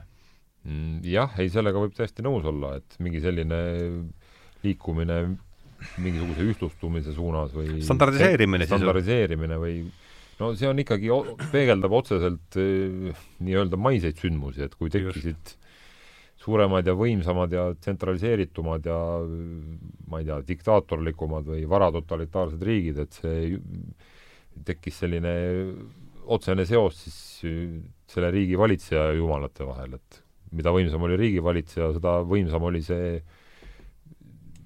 see jumal ka siis, kes, kes oli tema jumal või kes oli selle riigi jumal, et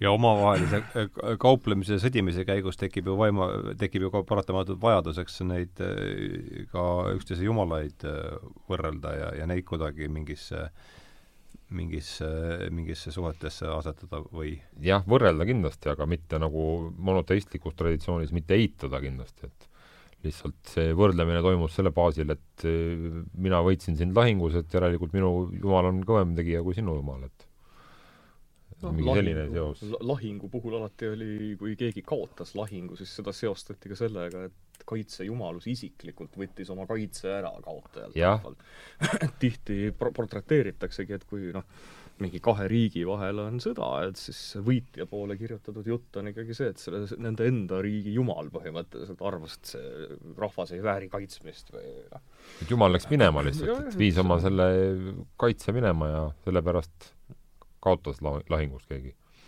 see mi- mi- mis nagu jah, tohutu paljusus, aga et mis hakkab juba ka kuskil kaks tuhat ükssada ja isegi varem, vahel isegi kaks tuhat nelisada, viissada enne Kristust kujunema, on erinevate linnriikide vahel.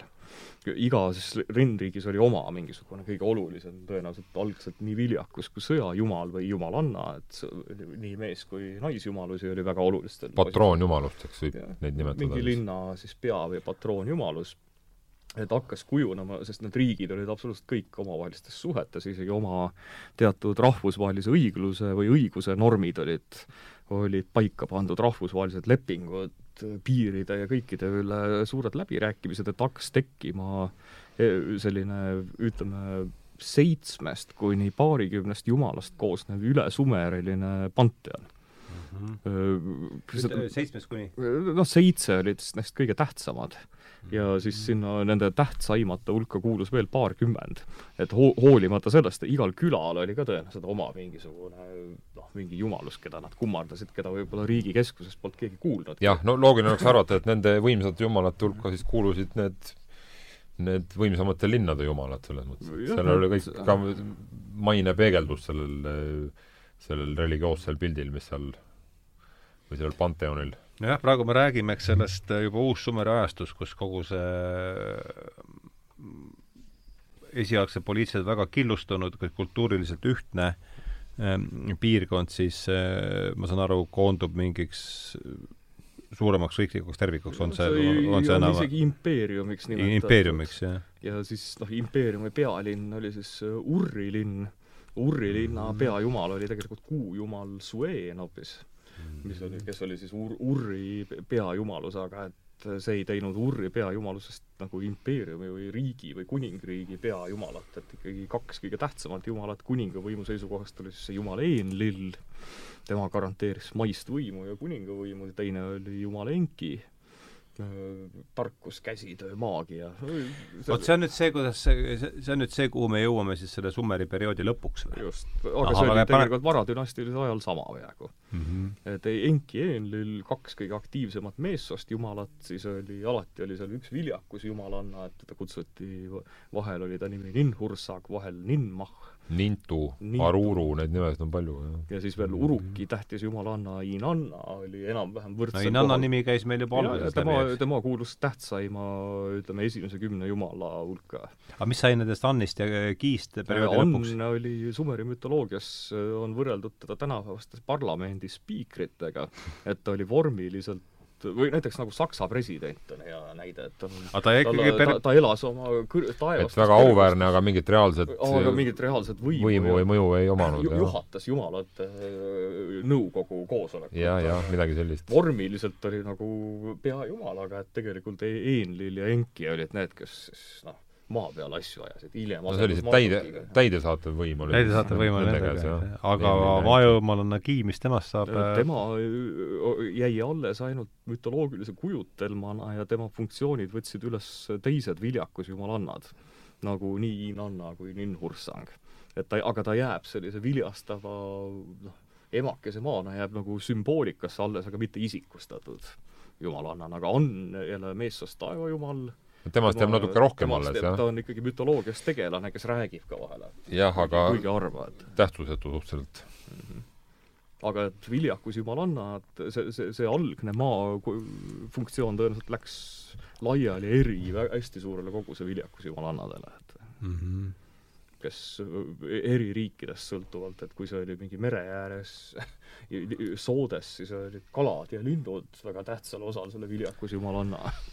No selle varajase, varadünastilise ajastu selle süsteemi kohta, et kus iga, igale jumalale vastab üks linn või?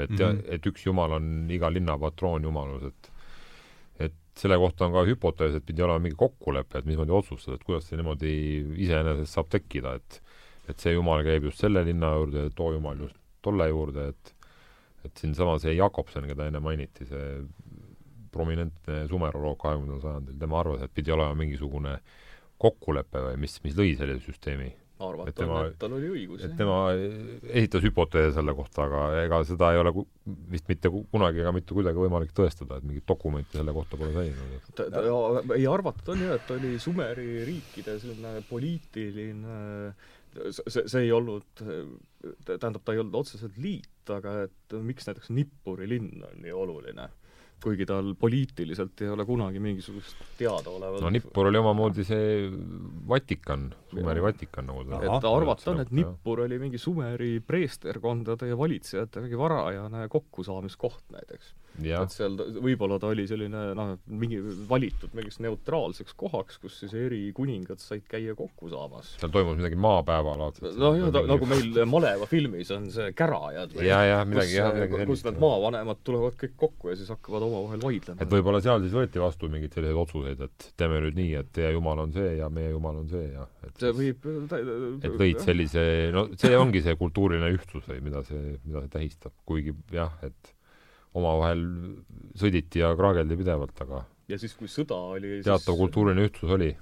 Eh, hu-, huvitav ongi, et tavale-, näiteks kui Lagash ja Urri riigid omavahel sõdisid, see oli siis ütleme noh, paneme aastaarvuks mingi kaks tuhat ükssada kümme või või kakskümmend enne Kristust, et siis äh, La-, Lagash ja Urr ilmselgelt sõdisid, et äh, siis oma, omakorda Uruki kuningas Utu Engall esineb siis vahendajana et kui sõjad käisid, selle kohta dokumenteeritud materjali hästi palju, käisid üldiselt põllumaade pärast, mis mm -hmm. näitab, et toit ja, oli ja kanalisüsteemide pärast samamoodi. kelle, kellel on see noh, mida rohkem sa said toitu kasvatada, seda suuremad tõenäoliselt nii armee kui kodanikkond ressursid jah, sõjad ressursside pärast. ja kuna Sumer on väga väike, et see viljakas ala, kas ta üldse Eesti suurunegi oli? Sumer ise ei olnud vist, Sumeri hakkad kokku, aga Babyloonia on umbes, oli umbes Eesti suurune, jah et siis võid noh, ja rahvaarvu me ei oska ka öelda, aga ikkagi need olid märgatavad hulgad inimesi, kes seal kes seal elasid vana aja kohta, et äh, pi-, piiride ja põllumaade eest sõdimine on väga levinud ja siis ka vahendamine, et siis kolmas kuningas vahendas neid tülisid, et üritas, üritas siis õigluse taastada, et selline rahvusvaheline õigus kehtis. aga Kuidas... seal all on ikkagi kultuuriline ühtsus? jah, ja kultuuriliselt oli oluline jumalad võisid olla algselt erinevad, aga no ikkagi kokkukuuluvustunne oli selle sumeri keele ja kultuuri pealt aga see ei välistanud seda, et nad üksteisel päid maha lõid, kui ikkagi, no see on ja. täpselt nagu tänapäeval kui no see on ka Vana-Kreekaga võrreldav. ja see on väga, väga see on umbes sama, Tartu ja Viljandi oleks omavahel aeg-ajalt vahepealsete jõgede ja ja, ja põldude pärast sõda pidanud. aga korraks veel üle korrata, perioodi lõpus on meil siis Enkil Enki.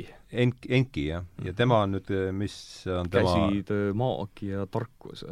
vee, vetejumal. käsitöö, maagia, tarkus no põhimõtteliselt ta on üks kõige olulisematest jumalastest, see jumal Enlil, tema oli siis kuninga või Enlil. Enlil, jah mm. -hmm. mõlema nimi on teadmata, et need tõlked, mis anti vanasti, ei vasta tõele. aga et see jumal Enlil on siis vastutav jah, kuninga võimu ja riiklike struktuuride mõlemad on mehed või? mõlemad on mehed. mõlemad on mehed, jah. kuninga võim kuninga võim, tsivilisatsiooni korrastatus, no kõik selline mm. -hmm. Need on, ütleme, kõik käsitöö, maagia, tarkus, kuningavõim, tsivilisatsioon, need on ju kõik äh, sellised ikkagi inimesega seotud ja, ikka. asjad juba. sumerlased lõid oma jumalad ju enda kujutise järgi mm. -hmm. no Enki puhul on see viljakus ja just eriti seksuaalenergia ja viljakus. seksuaalenergia ja vees. see läheb ka Enkile, jah. ja viljakus, mis on vees kui substantsis, et see on ka kindlasti Enki üks väga oluline omadus et äh, isegi Tiigris ja Eufrati jõge ühes, ühes Sumeri müüdis kujutatakse, et äh, kiimas enki kündis nad oma kõvastunud peenisega ja siis onaneeris vett täis, et see on jah, et siis on isegi see kujund, et seda Enki eakuleerus ja siis tekkis, tema, tekkis tema Tigrise jõgi. isiklik seeme. ja siis ta kündis neid ja- jah, oma peenisega, sest ühe müüdi järgi künd-, kündis jõekanalit või, või sängid, et siis või isegi seda, et kaevas see või vabastas selle siis, selle selle, mis maa alla jääb, selle viljastava, oma viljastava regiooniga apsu, et lõi siis oma peenise abil, puuris maa sisse augu põhimõtteliselt ja lasi siis põhjavee pinnale tõusta, mis Mm. mm. siis maapinda viljastas oma, omakorda. nii, ühesõnaga, nüüd me oleme siis jõudnud äh, Sumeri ajastu lõppu, kuhu, mille me paneme siis, veel kord, ma saan aru, tuhat kaheksasada umbes on see pakuks jah, et see on vist suur isegi, suurusjärk No, sinna kuhugi. või- võib-olla- ise, isegi jah, kaks tuhat mina paneks tuhat kaheksasada. noh, sinna ütleme siis mis ta siis on, ja mida teise, see, mida see täpselt, teise aastatuhande algusesesse. mida see täpselt tähendab, et sumeri keel ilmselt oli juba, oli juba hääbunud selleks, no kuskil kaks tuhat on see piir, mis tõen-, tõenäoliselt ta oli, ta oli absoluutne vähemuskeel, aga et no jaa, on ebatõenäoline, et sel ajal veel ei olnud inimesi, kes oleks ka rääkinud, sest noh, et ar-, arvata, noh, võiks oletada, et no kuna Iisini ajastugi mentaliteedilt, sellega muide ka professor Selts, muide Vi-, Viini ülikooli sumeroloogia professor kohe saabumas oponeerima siis doktoritööd, et et ka tema on äh, alati maininud, et see Uus-Sumeri riigile järgnenud Iisini ajastu oli niivõrd sarnane, et kuigi noh, valitsejad olid tõenäoliselt teisest rahvusest, aga ikkagi see Sumeri traditsioon ja mõ- mõttemaailm jätkus nii. No eks nad ise hoidsid sellest kinni. See oligi, selliseid näiteid maailma ajaloos on palju ilmselt, kus tuleb mingi väljas, needsamad amoriidid tulid kuskilt väljaspoolt ja siis sulandusid probleemideta siis sellisesse varasemasse auväärsesse ja traditsioonilisemasse ühiskonda nagu ma ei tea, nagu mongolid Hiinas või midagi taolist mm. -hmm. igal pool, et juba põlvkonnapaari jooksul ei olnud mingeid probleeme, kõik oma see a- amoriidi taust oli juba unustatud põhimõtteliselt. no aga jah, su-, jah, su-, sumerite puhul nende ütleme jah, kuskil Hammurapist alatest või ja, ja ja võib-olla Larsa ja Riim-Siinist isegi, et siis kuskil hakkab see Sumeri mõttemaailm nagu rohkem jääma sinna kirjalikku mõttemaailma ja siis noh, nagu semiidi kultuur või see elunägemus on natukene erinev, aga mitte nüüd ka nii noh, drastiliselt jah, ega seda on ikkagi see- siit äh, ajahorisondilt üsna võimatu eristada, et mis täpselt on need, mis on need semiidi kihistused ja mis on sumeri kihistused, et võib ainult spekuleerida, Aimata, aimata, jah. jah. No nii äh,, hästi, meil on nüüd veel, ütleme kusagil, katsume poole tunniga nüüd äh,, ühesõnaga nüüd peab hakkama endale juba meenutama seda, et jutuajamine saab üksjärgu otsa ka, et äh, peaks hakkama sinnapoole liikuma, et et kui nüüd võtta kokku see, kuida-, kuidagi üritada sealt sellest tuhande seitsmesajast aastast, noh, poliitilisest äh, sellest ähm, arengust on juba piisav, see on piisavalt selge nii palju, aga sest religioossest, Sumeri religioossest arengust siis tuhande seitsmesaja aasta vältel, peaaegu kahe tuhande aasta vältel, et kui sellest nüüd üritada mingi niisugune essents välja pigistada, et mis te välja tooksite, et mis on need tähtsa, just ma mõtlen evolutsioonilises plaanis, et, et kust me algame, kuhu me liigume ja mis veelgi olulisem, et kuidas see mahl, mille me nüüd oleme loodetavasti siin veerand tunniga välja pigistanud, et kuidas see siis juba väga linnulennult sellesse tänasesse päeva võiks välja tulla. kui, kui, kui me kasu-, kulutaks nüüd viimase pool tundi sellele peale, ma ei tea, kas et just vist sellest ajastust see Jah, et- nii-öelda sumeri ajastu. jah, et katsuks kõigepealt selle Sumeri ajastu religioosse evolutsiooni mingi põhi sellised suuna kuidagi niimoodi näppude vahel saada, mis see on, mis seal siis Mi- mina, ma olen na- natukene olen sellest kirjutanud, isegi tegelikult päris palju, aga et see essents ongi, et me võime ikkagi Sumeri religiooni ja mütoloogiat, et ta on hästi palju, on seostatav sellega, kuidas muistsed inimesed loodust või universumit vaatlesid. Kas või see noh, taeva ja maa suguühe ja ja esimesed müüdid üldse tegelikult me nendeni ei jõudnud, nad on nii raskesti ka tõlgitavad, aga esimesed kirja pandud müüdid kuskilt ka kaks tuhat kuussada enne Kristust räägivad ju, on päikese teekond näiteks. see on, ma olen üritanud ka eesti keelde tõlkida, et osad lõigud sellest a- akadeemia, Eesti Akadeemilise Orientaali, Orientaalseltsi aastaraamatus on selle müüdi tõlge mul olemas, aga et see esimene aga teadaolev seda peetakse ka semiidi müüdiks ju. Semiidid võtsid üle ta sumeritelt aa, niipidi. ühesõnaga, ta on kahes keeles kirja pandud juba Süürias kaks tuhat kuussada enne Kristust. Ebla linnriigis tunti Sumeri müüte, aga nad võisid ka olla noh, vastastik mõjule, et kunagi ja, ja. aga noh, oletada on, kuna nad on leitud ka Sumerist, et Sumer oli noh, varasem kultuur, et oletada on, et perifeersed kultuurid võisid siis kopeerida ja oma keelde tõlkida juba Sumeri müüte. et kirjeldabki päikese jumala, ehk siis päikese jumala nimi oli Utu, hilisem semiidi shamash heebrea, heebrea keeleski sama sõna päikese jaoks kasutusel. väike jumal Hutu. Utu jah, akkadi keeles UTU. UTU on jah, Utu. Ja esimene teadaolev kirjalik pikem müüt kirjeldabki seda, kuidas päike päevasel ajal ratsutab siis oma vankriga üle taeva.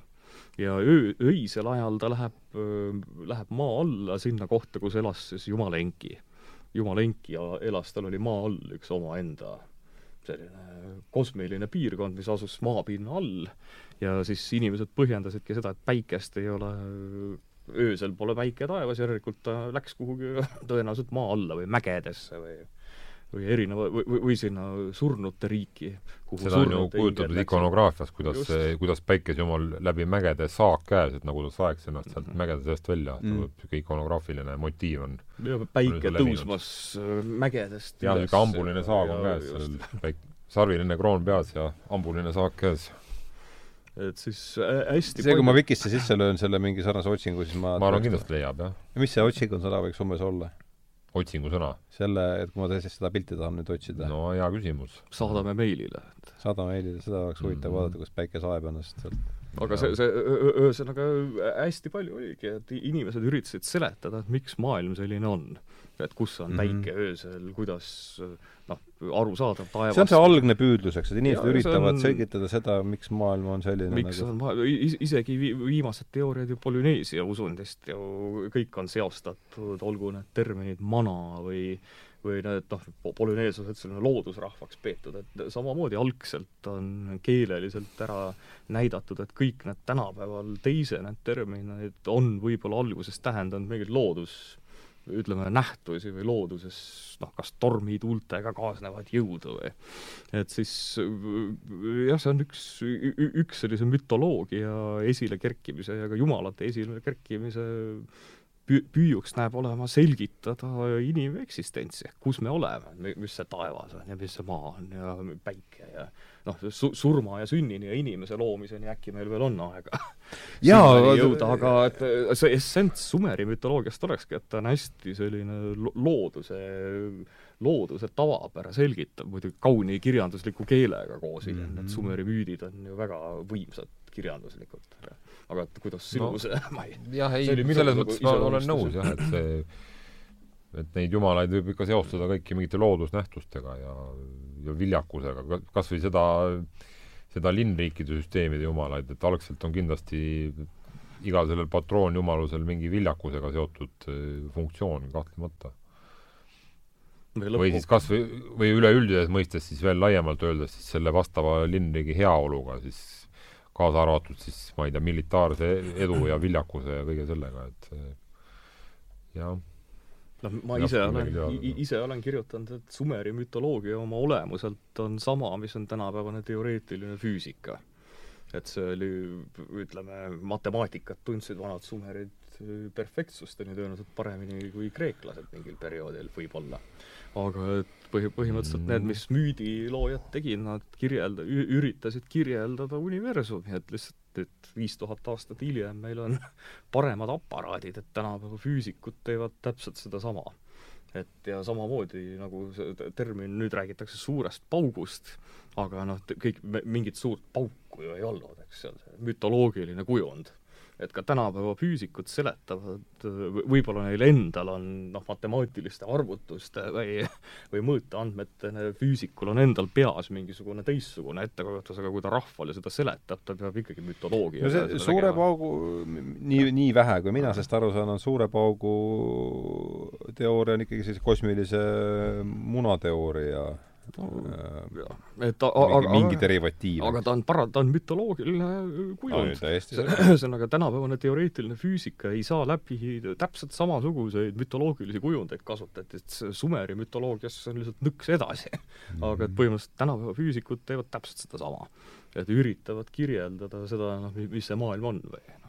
Nii et ei ole vahet, kas tänapäeva füüsik või, või muistse Sumeri müüdilooja või No või müüdi põhimõtteliselt Hinge, hingestav püüdlus on sama. ma arvan, see elukutse on samamoodi edasi läinud, et et ühel hetkel jah, ütleme kirikuõpetaja oli see võib-olla või preester või ütleme, täitis seda funktsiooni mingi hetkeni, et nüüd seda, nüüd on preester on rohkem, rohkem nagu teise sellise ütleme, teistsuguse rõhuasetusega, et ütleme, usutegelased või ka filosoofid ei tegele enam, ei tegele nagu selle teoreetilise maailma seletamisega, vaid selle seletamise seletamisega, või no ma ei oskagi, ei oskagi öelda, et siis jah, aga tänapäevased reaalteadlased kindlasti, kes uurivad aineosakesi või, või universumi teket, et see on selle, ütleme siis Sumeri müüdi kirjutaja või preestri järeltulijana. noh, erialalt ma ütleks, et on kõige lähedasem võib-olla tänapäevane füüsik. mitte bioloog ega m- mitte mingi pisikese asja nagu uurija, vaid just ma mõtlen see, kes üritab no maailma kosmo-, kosmoloogia ikka. jah, haara-, seda kõik, kõike haarata. kõrgtasemel ka teoloogid ja filosoofid, kes noh, mõtlevad teise nurga alt. et siis jah, et mis see, mis see kõik kokku on? jah, see ühesõnaga tahavad teada, mis asi siin toimub. vaatad aknast välja ja ei, tahad kuidagi selgeks saada, et miks see nii on. näed, mis on nähtuste taga.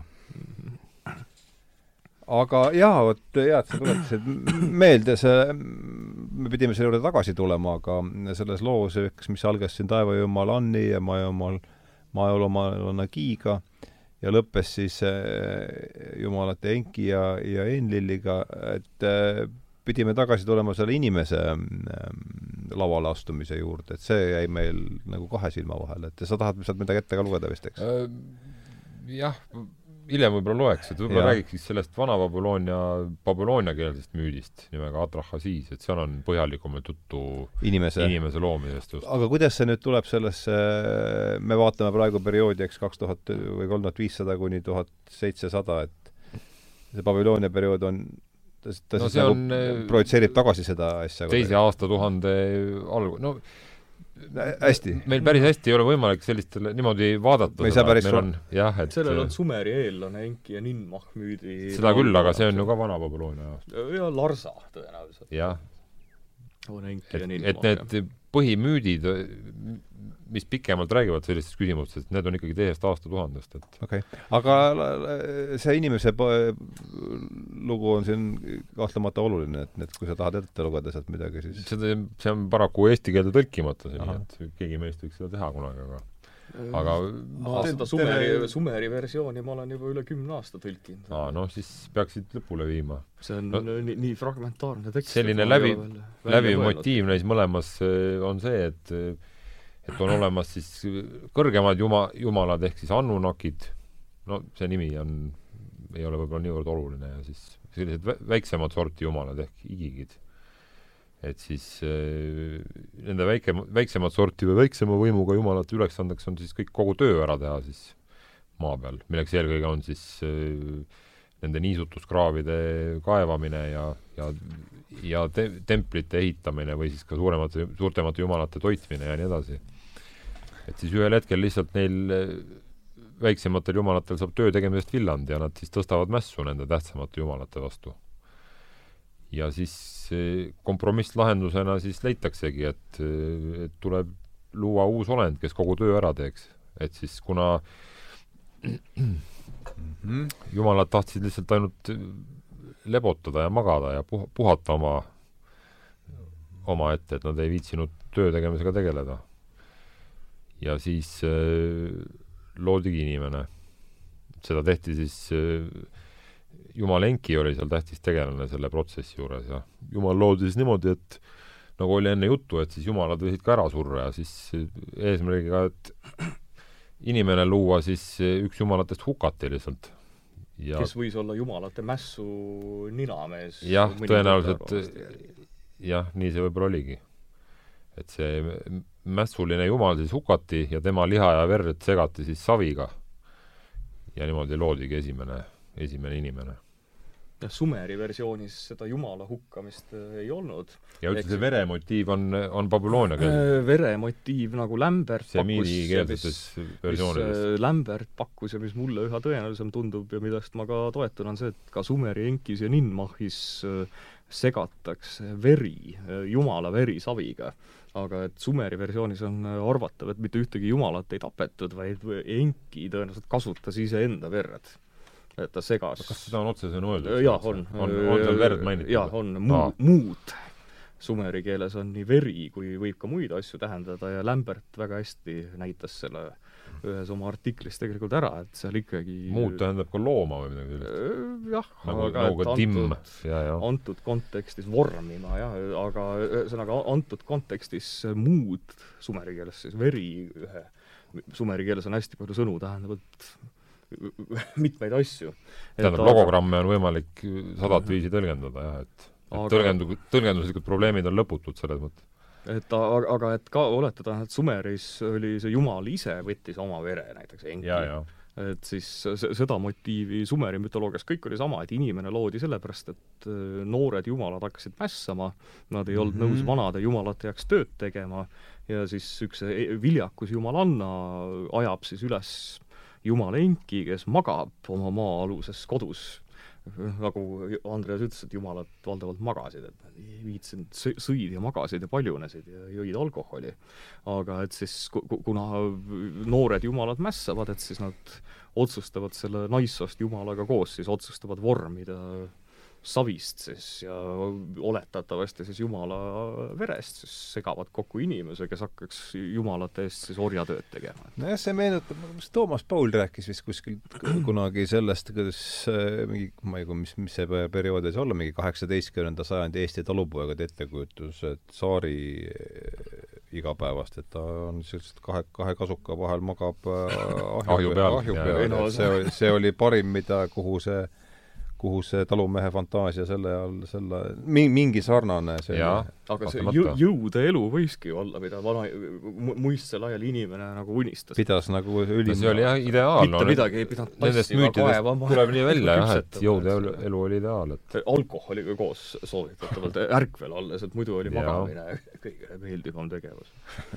aga ei, see on ju, inimene ärkas ju tõenäoliselt nii kui valgeks läks või varemgi, olgu, vahet ei ole, siis olgu ta mees või naine, kõik pidid ju hommikust õhtuni tööd tegema, lapsed kaasa arvatud hetkest, kui nad, välja arvatud nagu jõukad inimesed, kellel nagu olid tõenäoliselt meelelahutused. et tava, tavainimene või ma, ma pakun, et see kehtis ka riigiametniku või ükskõik kelle kohta, kes ei, ei kuulunud nüüd mingisse absoluutsesse tippu, et tema unistus võib-olla oligi see, et saaks olla nii, et mitte midagi ei tee. Et mis ajast see on meil tekkinud, et vähem kui sada viiskümmend aastat tõenäoliselt see, et inimestel lihtsalt aega on, et ma pakun no,, et meie vana, meie millal tulid üldse puhkused, sellised asjad? no pühapäev oli, oli nagu kirikupäev, aga ja ma mõtlen, sellised äh, noh, see on huvi-, see on nüüd väga äkki, äkki see oli ka mingi Saksa Bismarcki ma arvan, et see või ütleme sellised jah, see võib olla et siis ma arvan, et see on ikka selle heaoluriigi või see, ütleme, selle hoolekanderiigi, hoolekanderiigi lugu, mis on võib-olla isegi vähem kui sada aastat siin.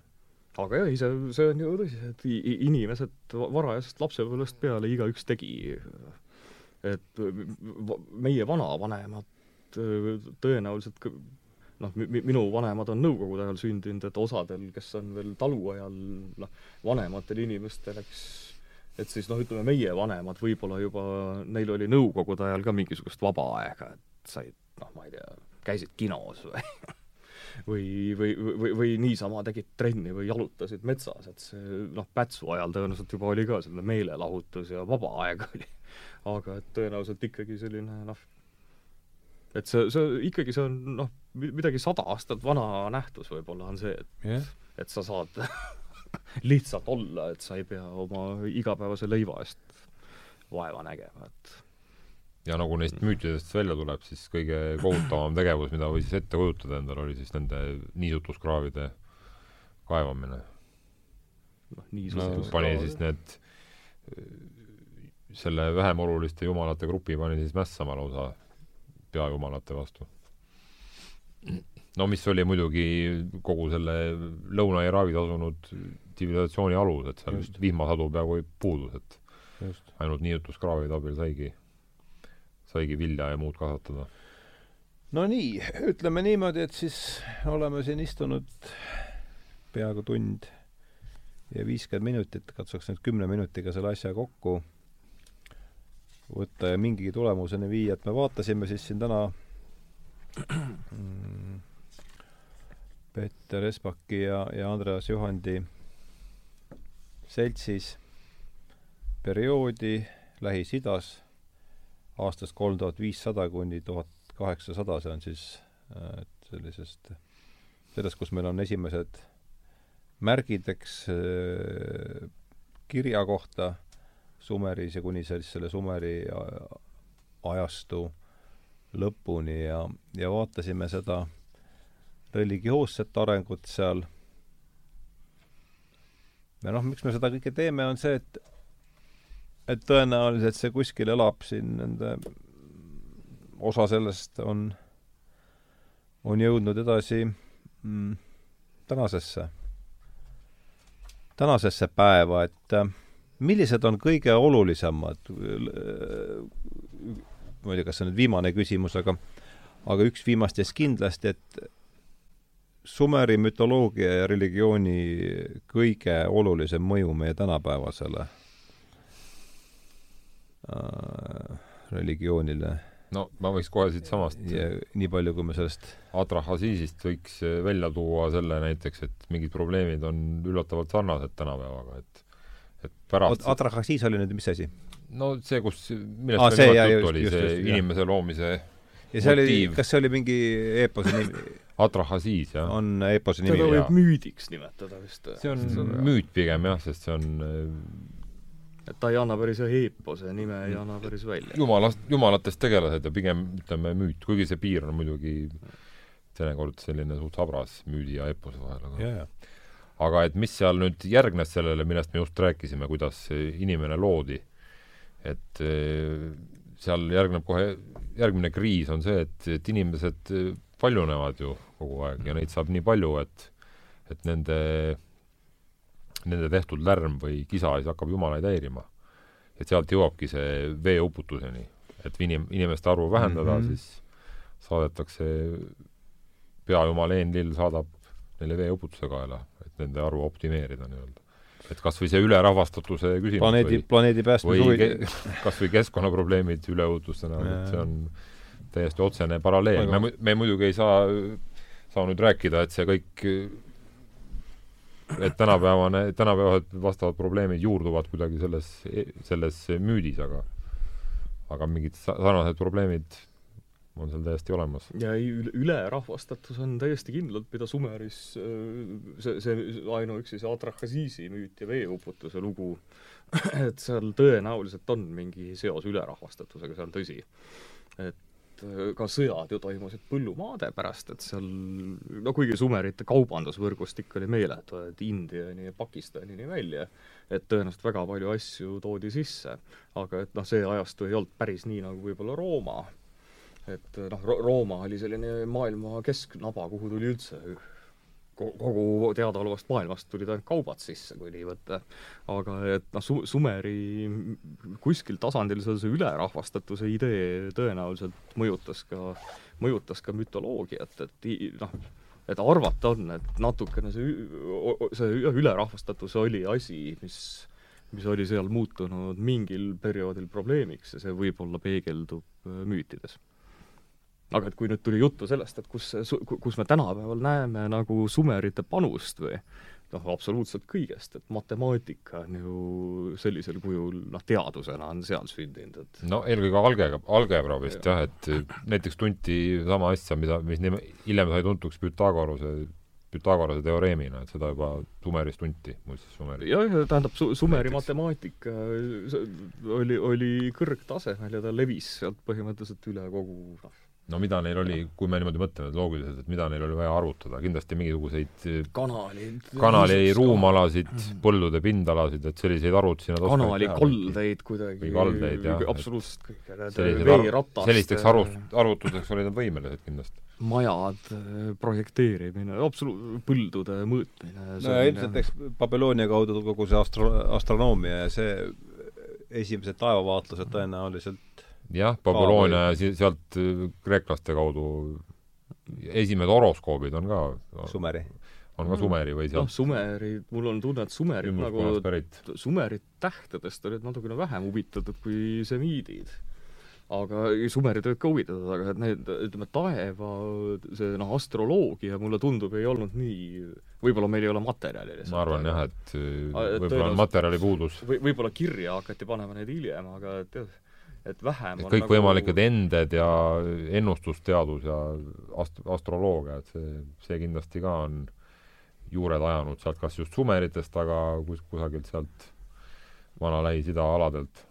no ja noh, mis tänaseni meid mõjutab, on väga, kõik piibli loomislood põhimõtteliselt põhinevad need on ümberkirjutused Sumeri mütoloogiast, et noh, väga hea on, kui Genesise raamat, heebrea keeles oli see siis, et Bereshit bara Elohim et hashamaim va hetta aarets, see on siis heebrea keeles kõlas ta nii, ikka on meelde jäänud veel ülikooli ajast, et siis meie keeles, et alguses lõi Jumal taevad ja maa, ja Sumeri mütoloogias algab maailm sellega, et maa ja taevas noh, tegid sugu juudid panid sinna lihtsalt oma transcendentse Jahve, ehk siis kes elas teises sfääris, juutide jumal Jahve, siis ta ei elanud enam geograafilises maailmas, vaid mingisuguses noh, nagu Rudolf Otto ütleb, ta oli täiesti teine või või mingi noh, mujal olev mujal olev vaimne vägi, kellega võis inimese hing, siis juba juutidel on sellised kujutelmad mingisugusest koos eksisteerimisest no, kas me nüüd saame just, kas me saame just öelda, et nad maha kirjutasid midagi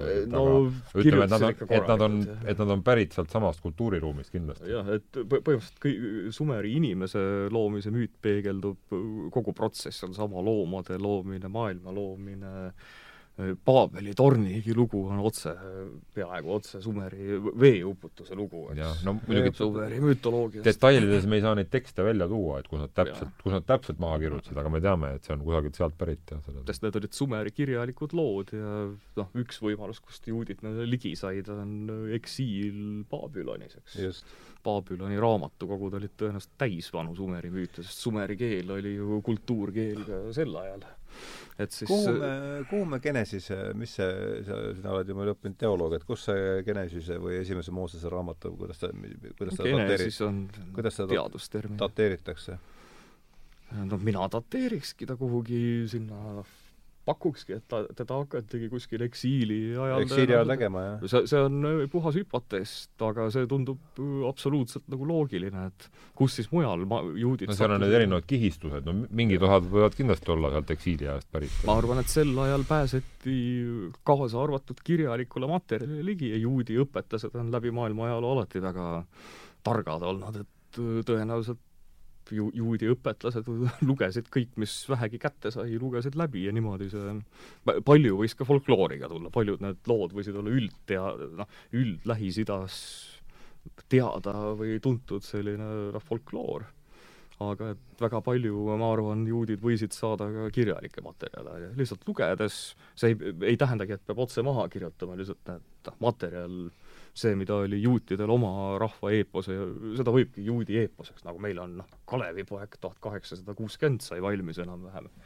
juutidel sai vähe varem. juutidel sai vähe varem, et aga see põhimõte on sama, et eks juudid ju eksiili ajalgi, neil oli vaja oma noh, õpetlastel, teatud koolkonnal tõenäoliselt neil oli vaja oma rahvuslikku või usulist, pigem usulise rahvuslikku ühtsust säilitada, et eks eks ka Genesise lood ja kõik Abrahamid ja Moosesed on ju noh, see on ammu teada, et Abraham mõeldi ju samamoodi tõenäoliselt, et üks teooria on, mida meie kunagine nüüdseks lahkunud professor Jan Alberto Sachin meile ülikoolis Tartus loenguid andes tutvustas, muidu Rooma ülikoolist et äh, Abrahami ja Moosese lood ja tegelaskujud mõeldi välja selleks, et juudi eliit elas maailmalinnas, noh, palju seal Babülo-, Babülonis oli, miljon äkki, viissada tuhat, ei, ei tea, et neid viissada tuhat maksimaalselt? nojah, viissada tuhat on no, realistlik, ütleme Tallinna suurune linn, võite ette kujutada. tollel ajal? tollel ajal, et see noh, ei olnud otsa ega äärt sellisele, et oletada on, et juudid, juudi eliit, kes oli, ega kogu rahvast ei küüditatud, et eliit viidi viidi Babyloni ja kes see ikka maailma pealinnast tahab mingisse väiksesse külla Jeruusalemma tagasi minna. et siis arvata ongi, et nii Abraham kui Mooses mõeldigi sellisesse juudi eeposesse eesmärgiga, et näidata, et juba kõigepealt oli Abraham, kes nendelt Sumeri, Shineari aladelt, piiblis siis Sumer on Shinear, heebrea keeles, et juba meie kõi-, Uuri linn oli Uuri linnast ja, ja, ja kutsutakse kaldealaste urriks veel, mis vastab sellele eksiili ajale, kui ühest Sumeris ei olnud mingeid kaldealasi, et keegi polnud kuulnudki neist midagi. et ühesõnaga, et siis Abraham reisis tagasi pühale maale või noh, alustas reisi ja Mooses Egiptusest tõi oma rahva ja ka Egiptuses oli sel ajal juute, et siis see oli selline juudi programm saada rahvas tagasi noh, kodumaale, et see on ja Sumeri mütoloogiat kasutati, et see ongi, Vana Testament on kindlasti mm, number üks allikas. ükskord ühes raadiosaates küsiti sama, siis ma ütlesin, et Tartus Eedeni keskus on kohe esimene, mis tuli, ma olin Tartu stuudios ühes saates, kus Sumerites juttu, Tartu Eedeni keskus, et Eeden tähendab rohumaa või Stepp, põllumaa, jah, e-, e-, Edin Edin või Eden, jah. Lähed Tartust lihtsalt poodi ja kohe on sumerikeelne sõna, et need mõjud on igal pool no nii, aga siis selles võib-olla sii-, siin ongi tõmmata, selle teadmisega on hea tõmmata sellele jutuajamisele joon alla. siin oli paar, paar ja mitu lehekülge märkmeid sellest äh, jutuajamisest endal ja, ja nii mõnedki olulised niidiotsad edaspidi ar-, arutamiseks. üks asi ma mõtlesin küll, millest tahaks edaspidi rääkida, on seesama äh, loomise konse ex nihilo, et see tundub olevat väga vot siis me peame Pärsia kanti väga ja... huvitav, äh, huvitav, väga huvitav doktriin siis peab Zoroastrism meie ala, meie alal seda ei, ei leia paraku jah, nagu me arutasime. päris eks nihilot ei ole, küll on igast äh, koletisi lõigatakse pooleks ja nendest tehakse jah, et midagi on midagi on ikka enne, mingi algmaterjal on ikka olemas, jah. see on väga on pigem äh, aja mitteolek ja või staatika ja kineetika siis või mm.? dünaamika võib-olla. okei, jah, vabandust. et ühesõnaga jah, see liikumine. see mingi kuskil hakkab mingist loomismoment muudab selle dünaamiliseks. ühesõnaga asjad hakkavad siblima ringi. ja, ja, ja no aga see jääb siis juba järgmiste mm, jutuajamiste teemaks ja, ja siinkohal siis äh, tänan meie tänaseid saatekülalisi tänan kutsumast! Peeter Espak, Andreas Johandi oli väga vahva teie seltsis äh, lobiseda ja soovin teile ilusat sügise jätku ja loodame, et näeme edaspidigi selles, selles koosseisus või siis pisut muudetud. sumeritest alati. jah, aitäh!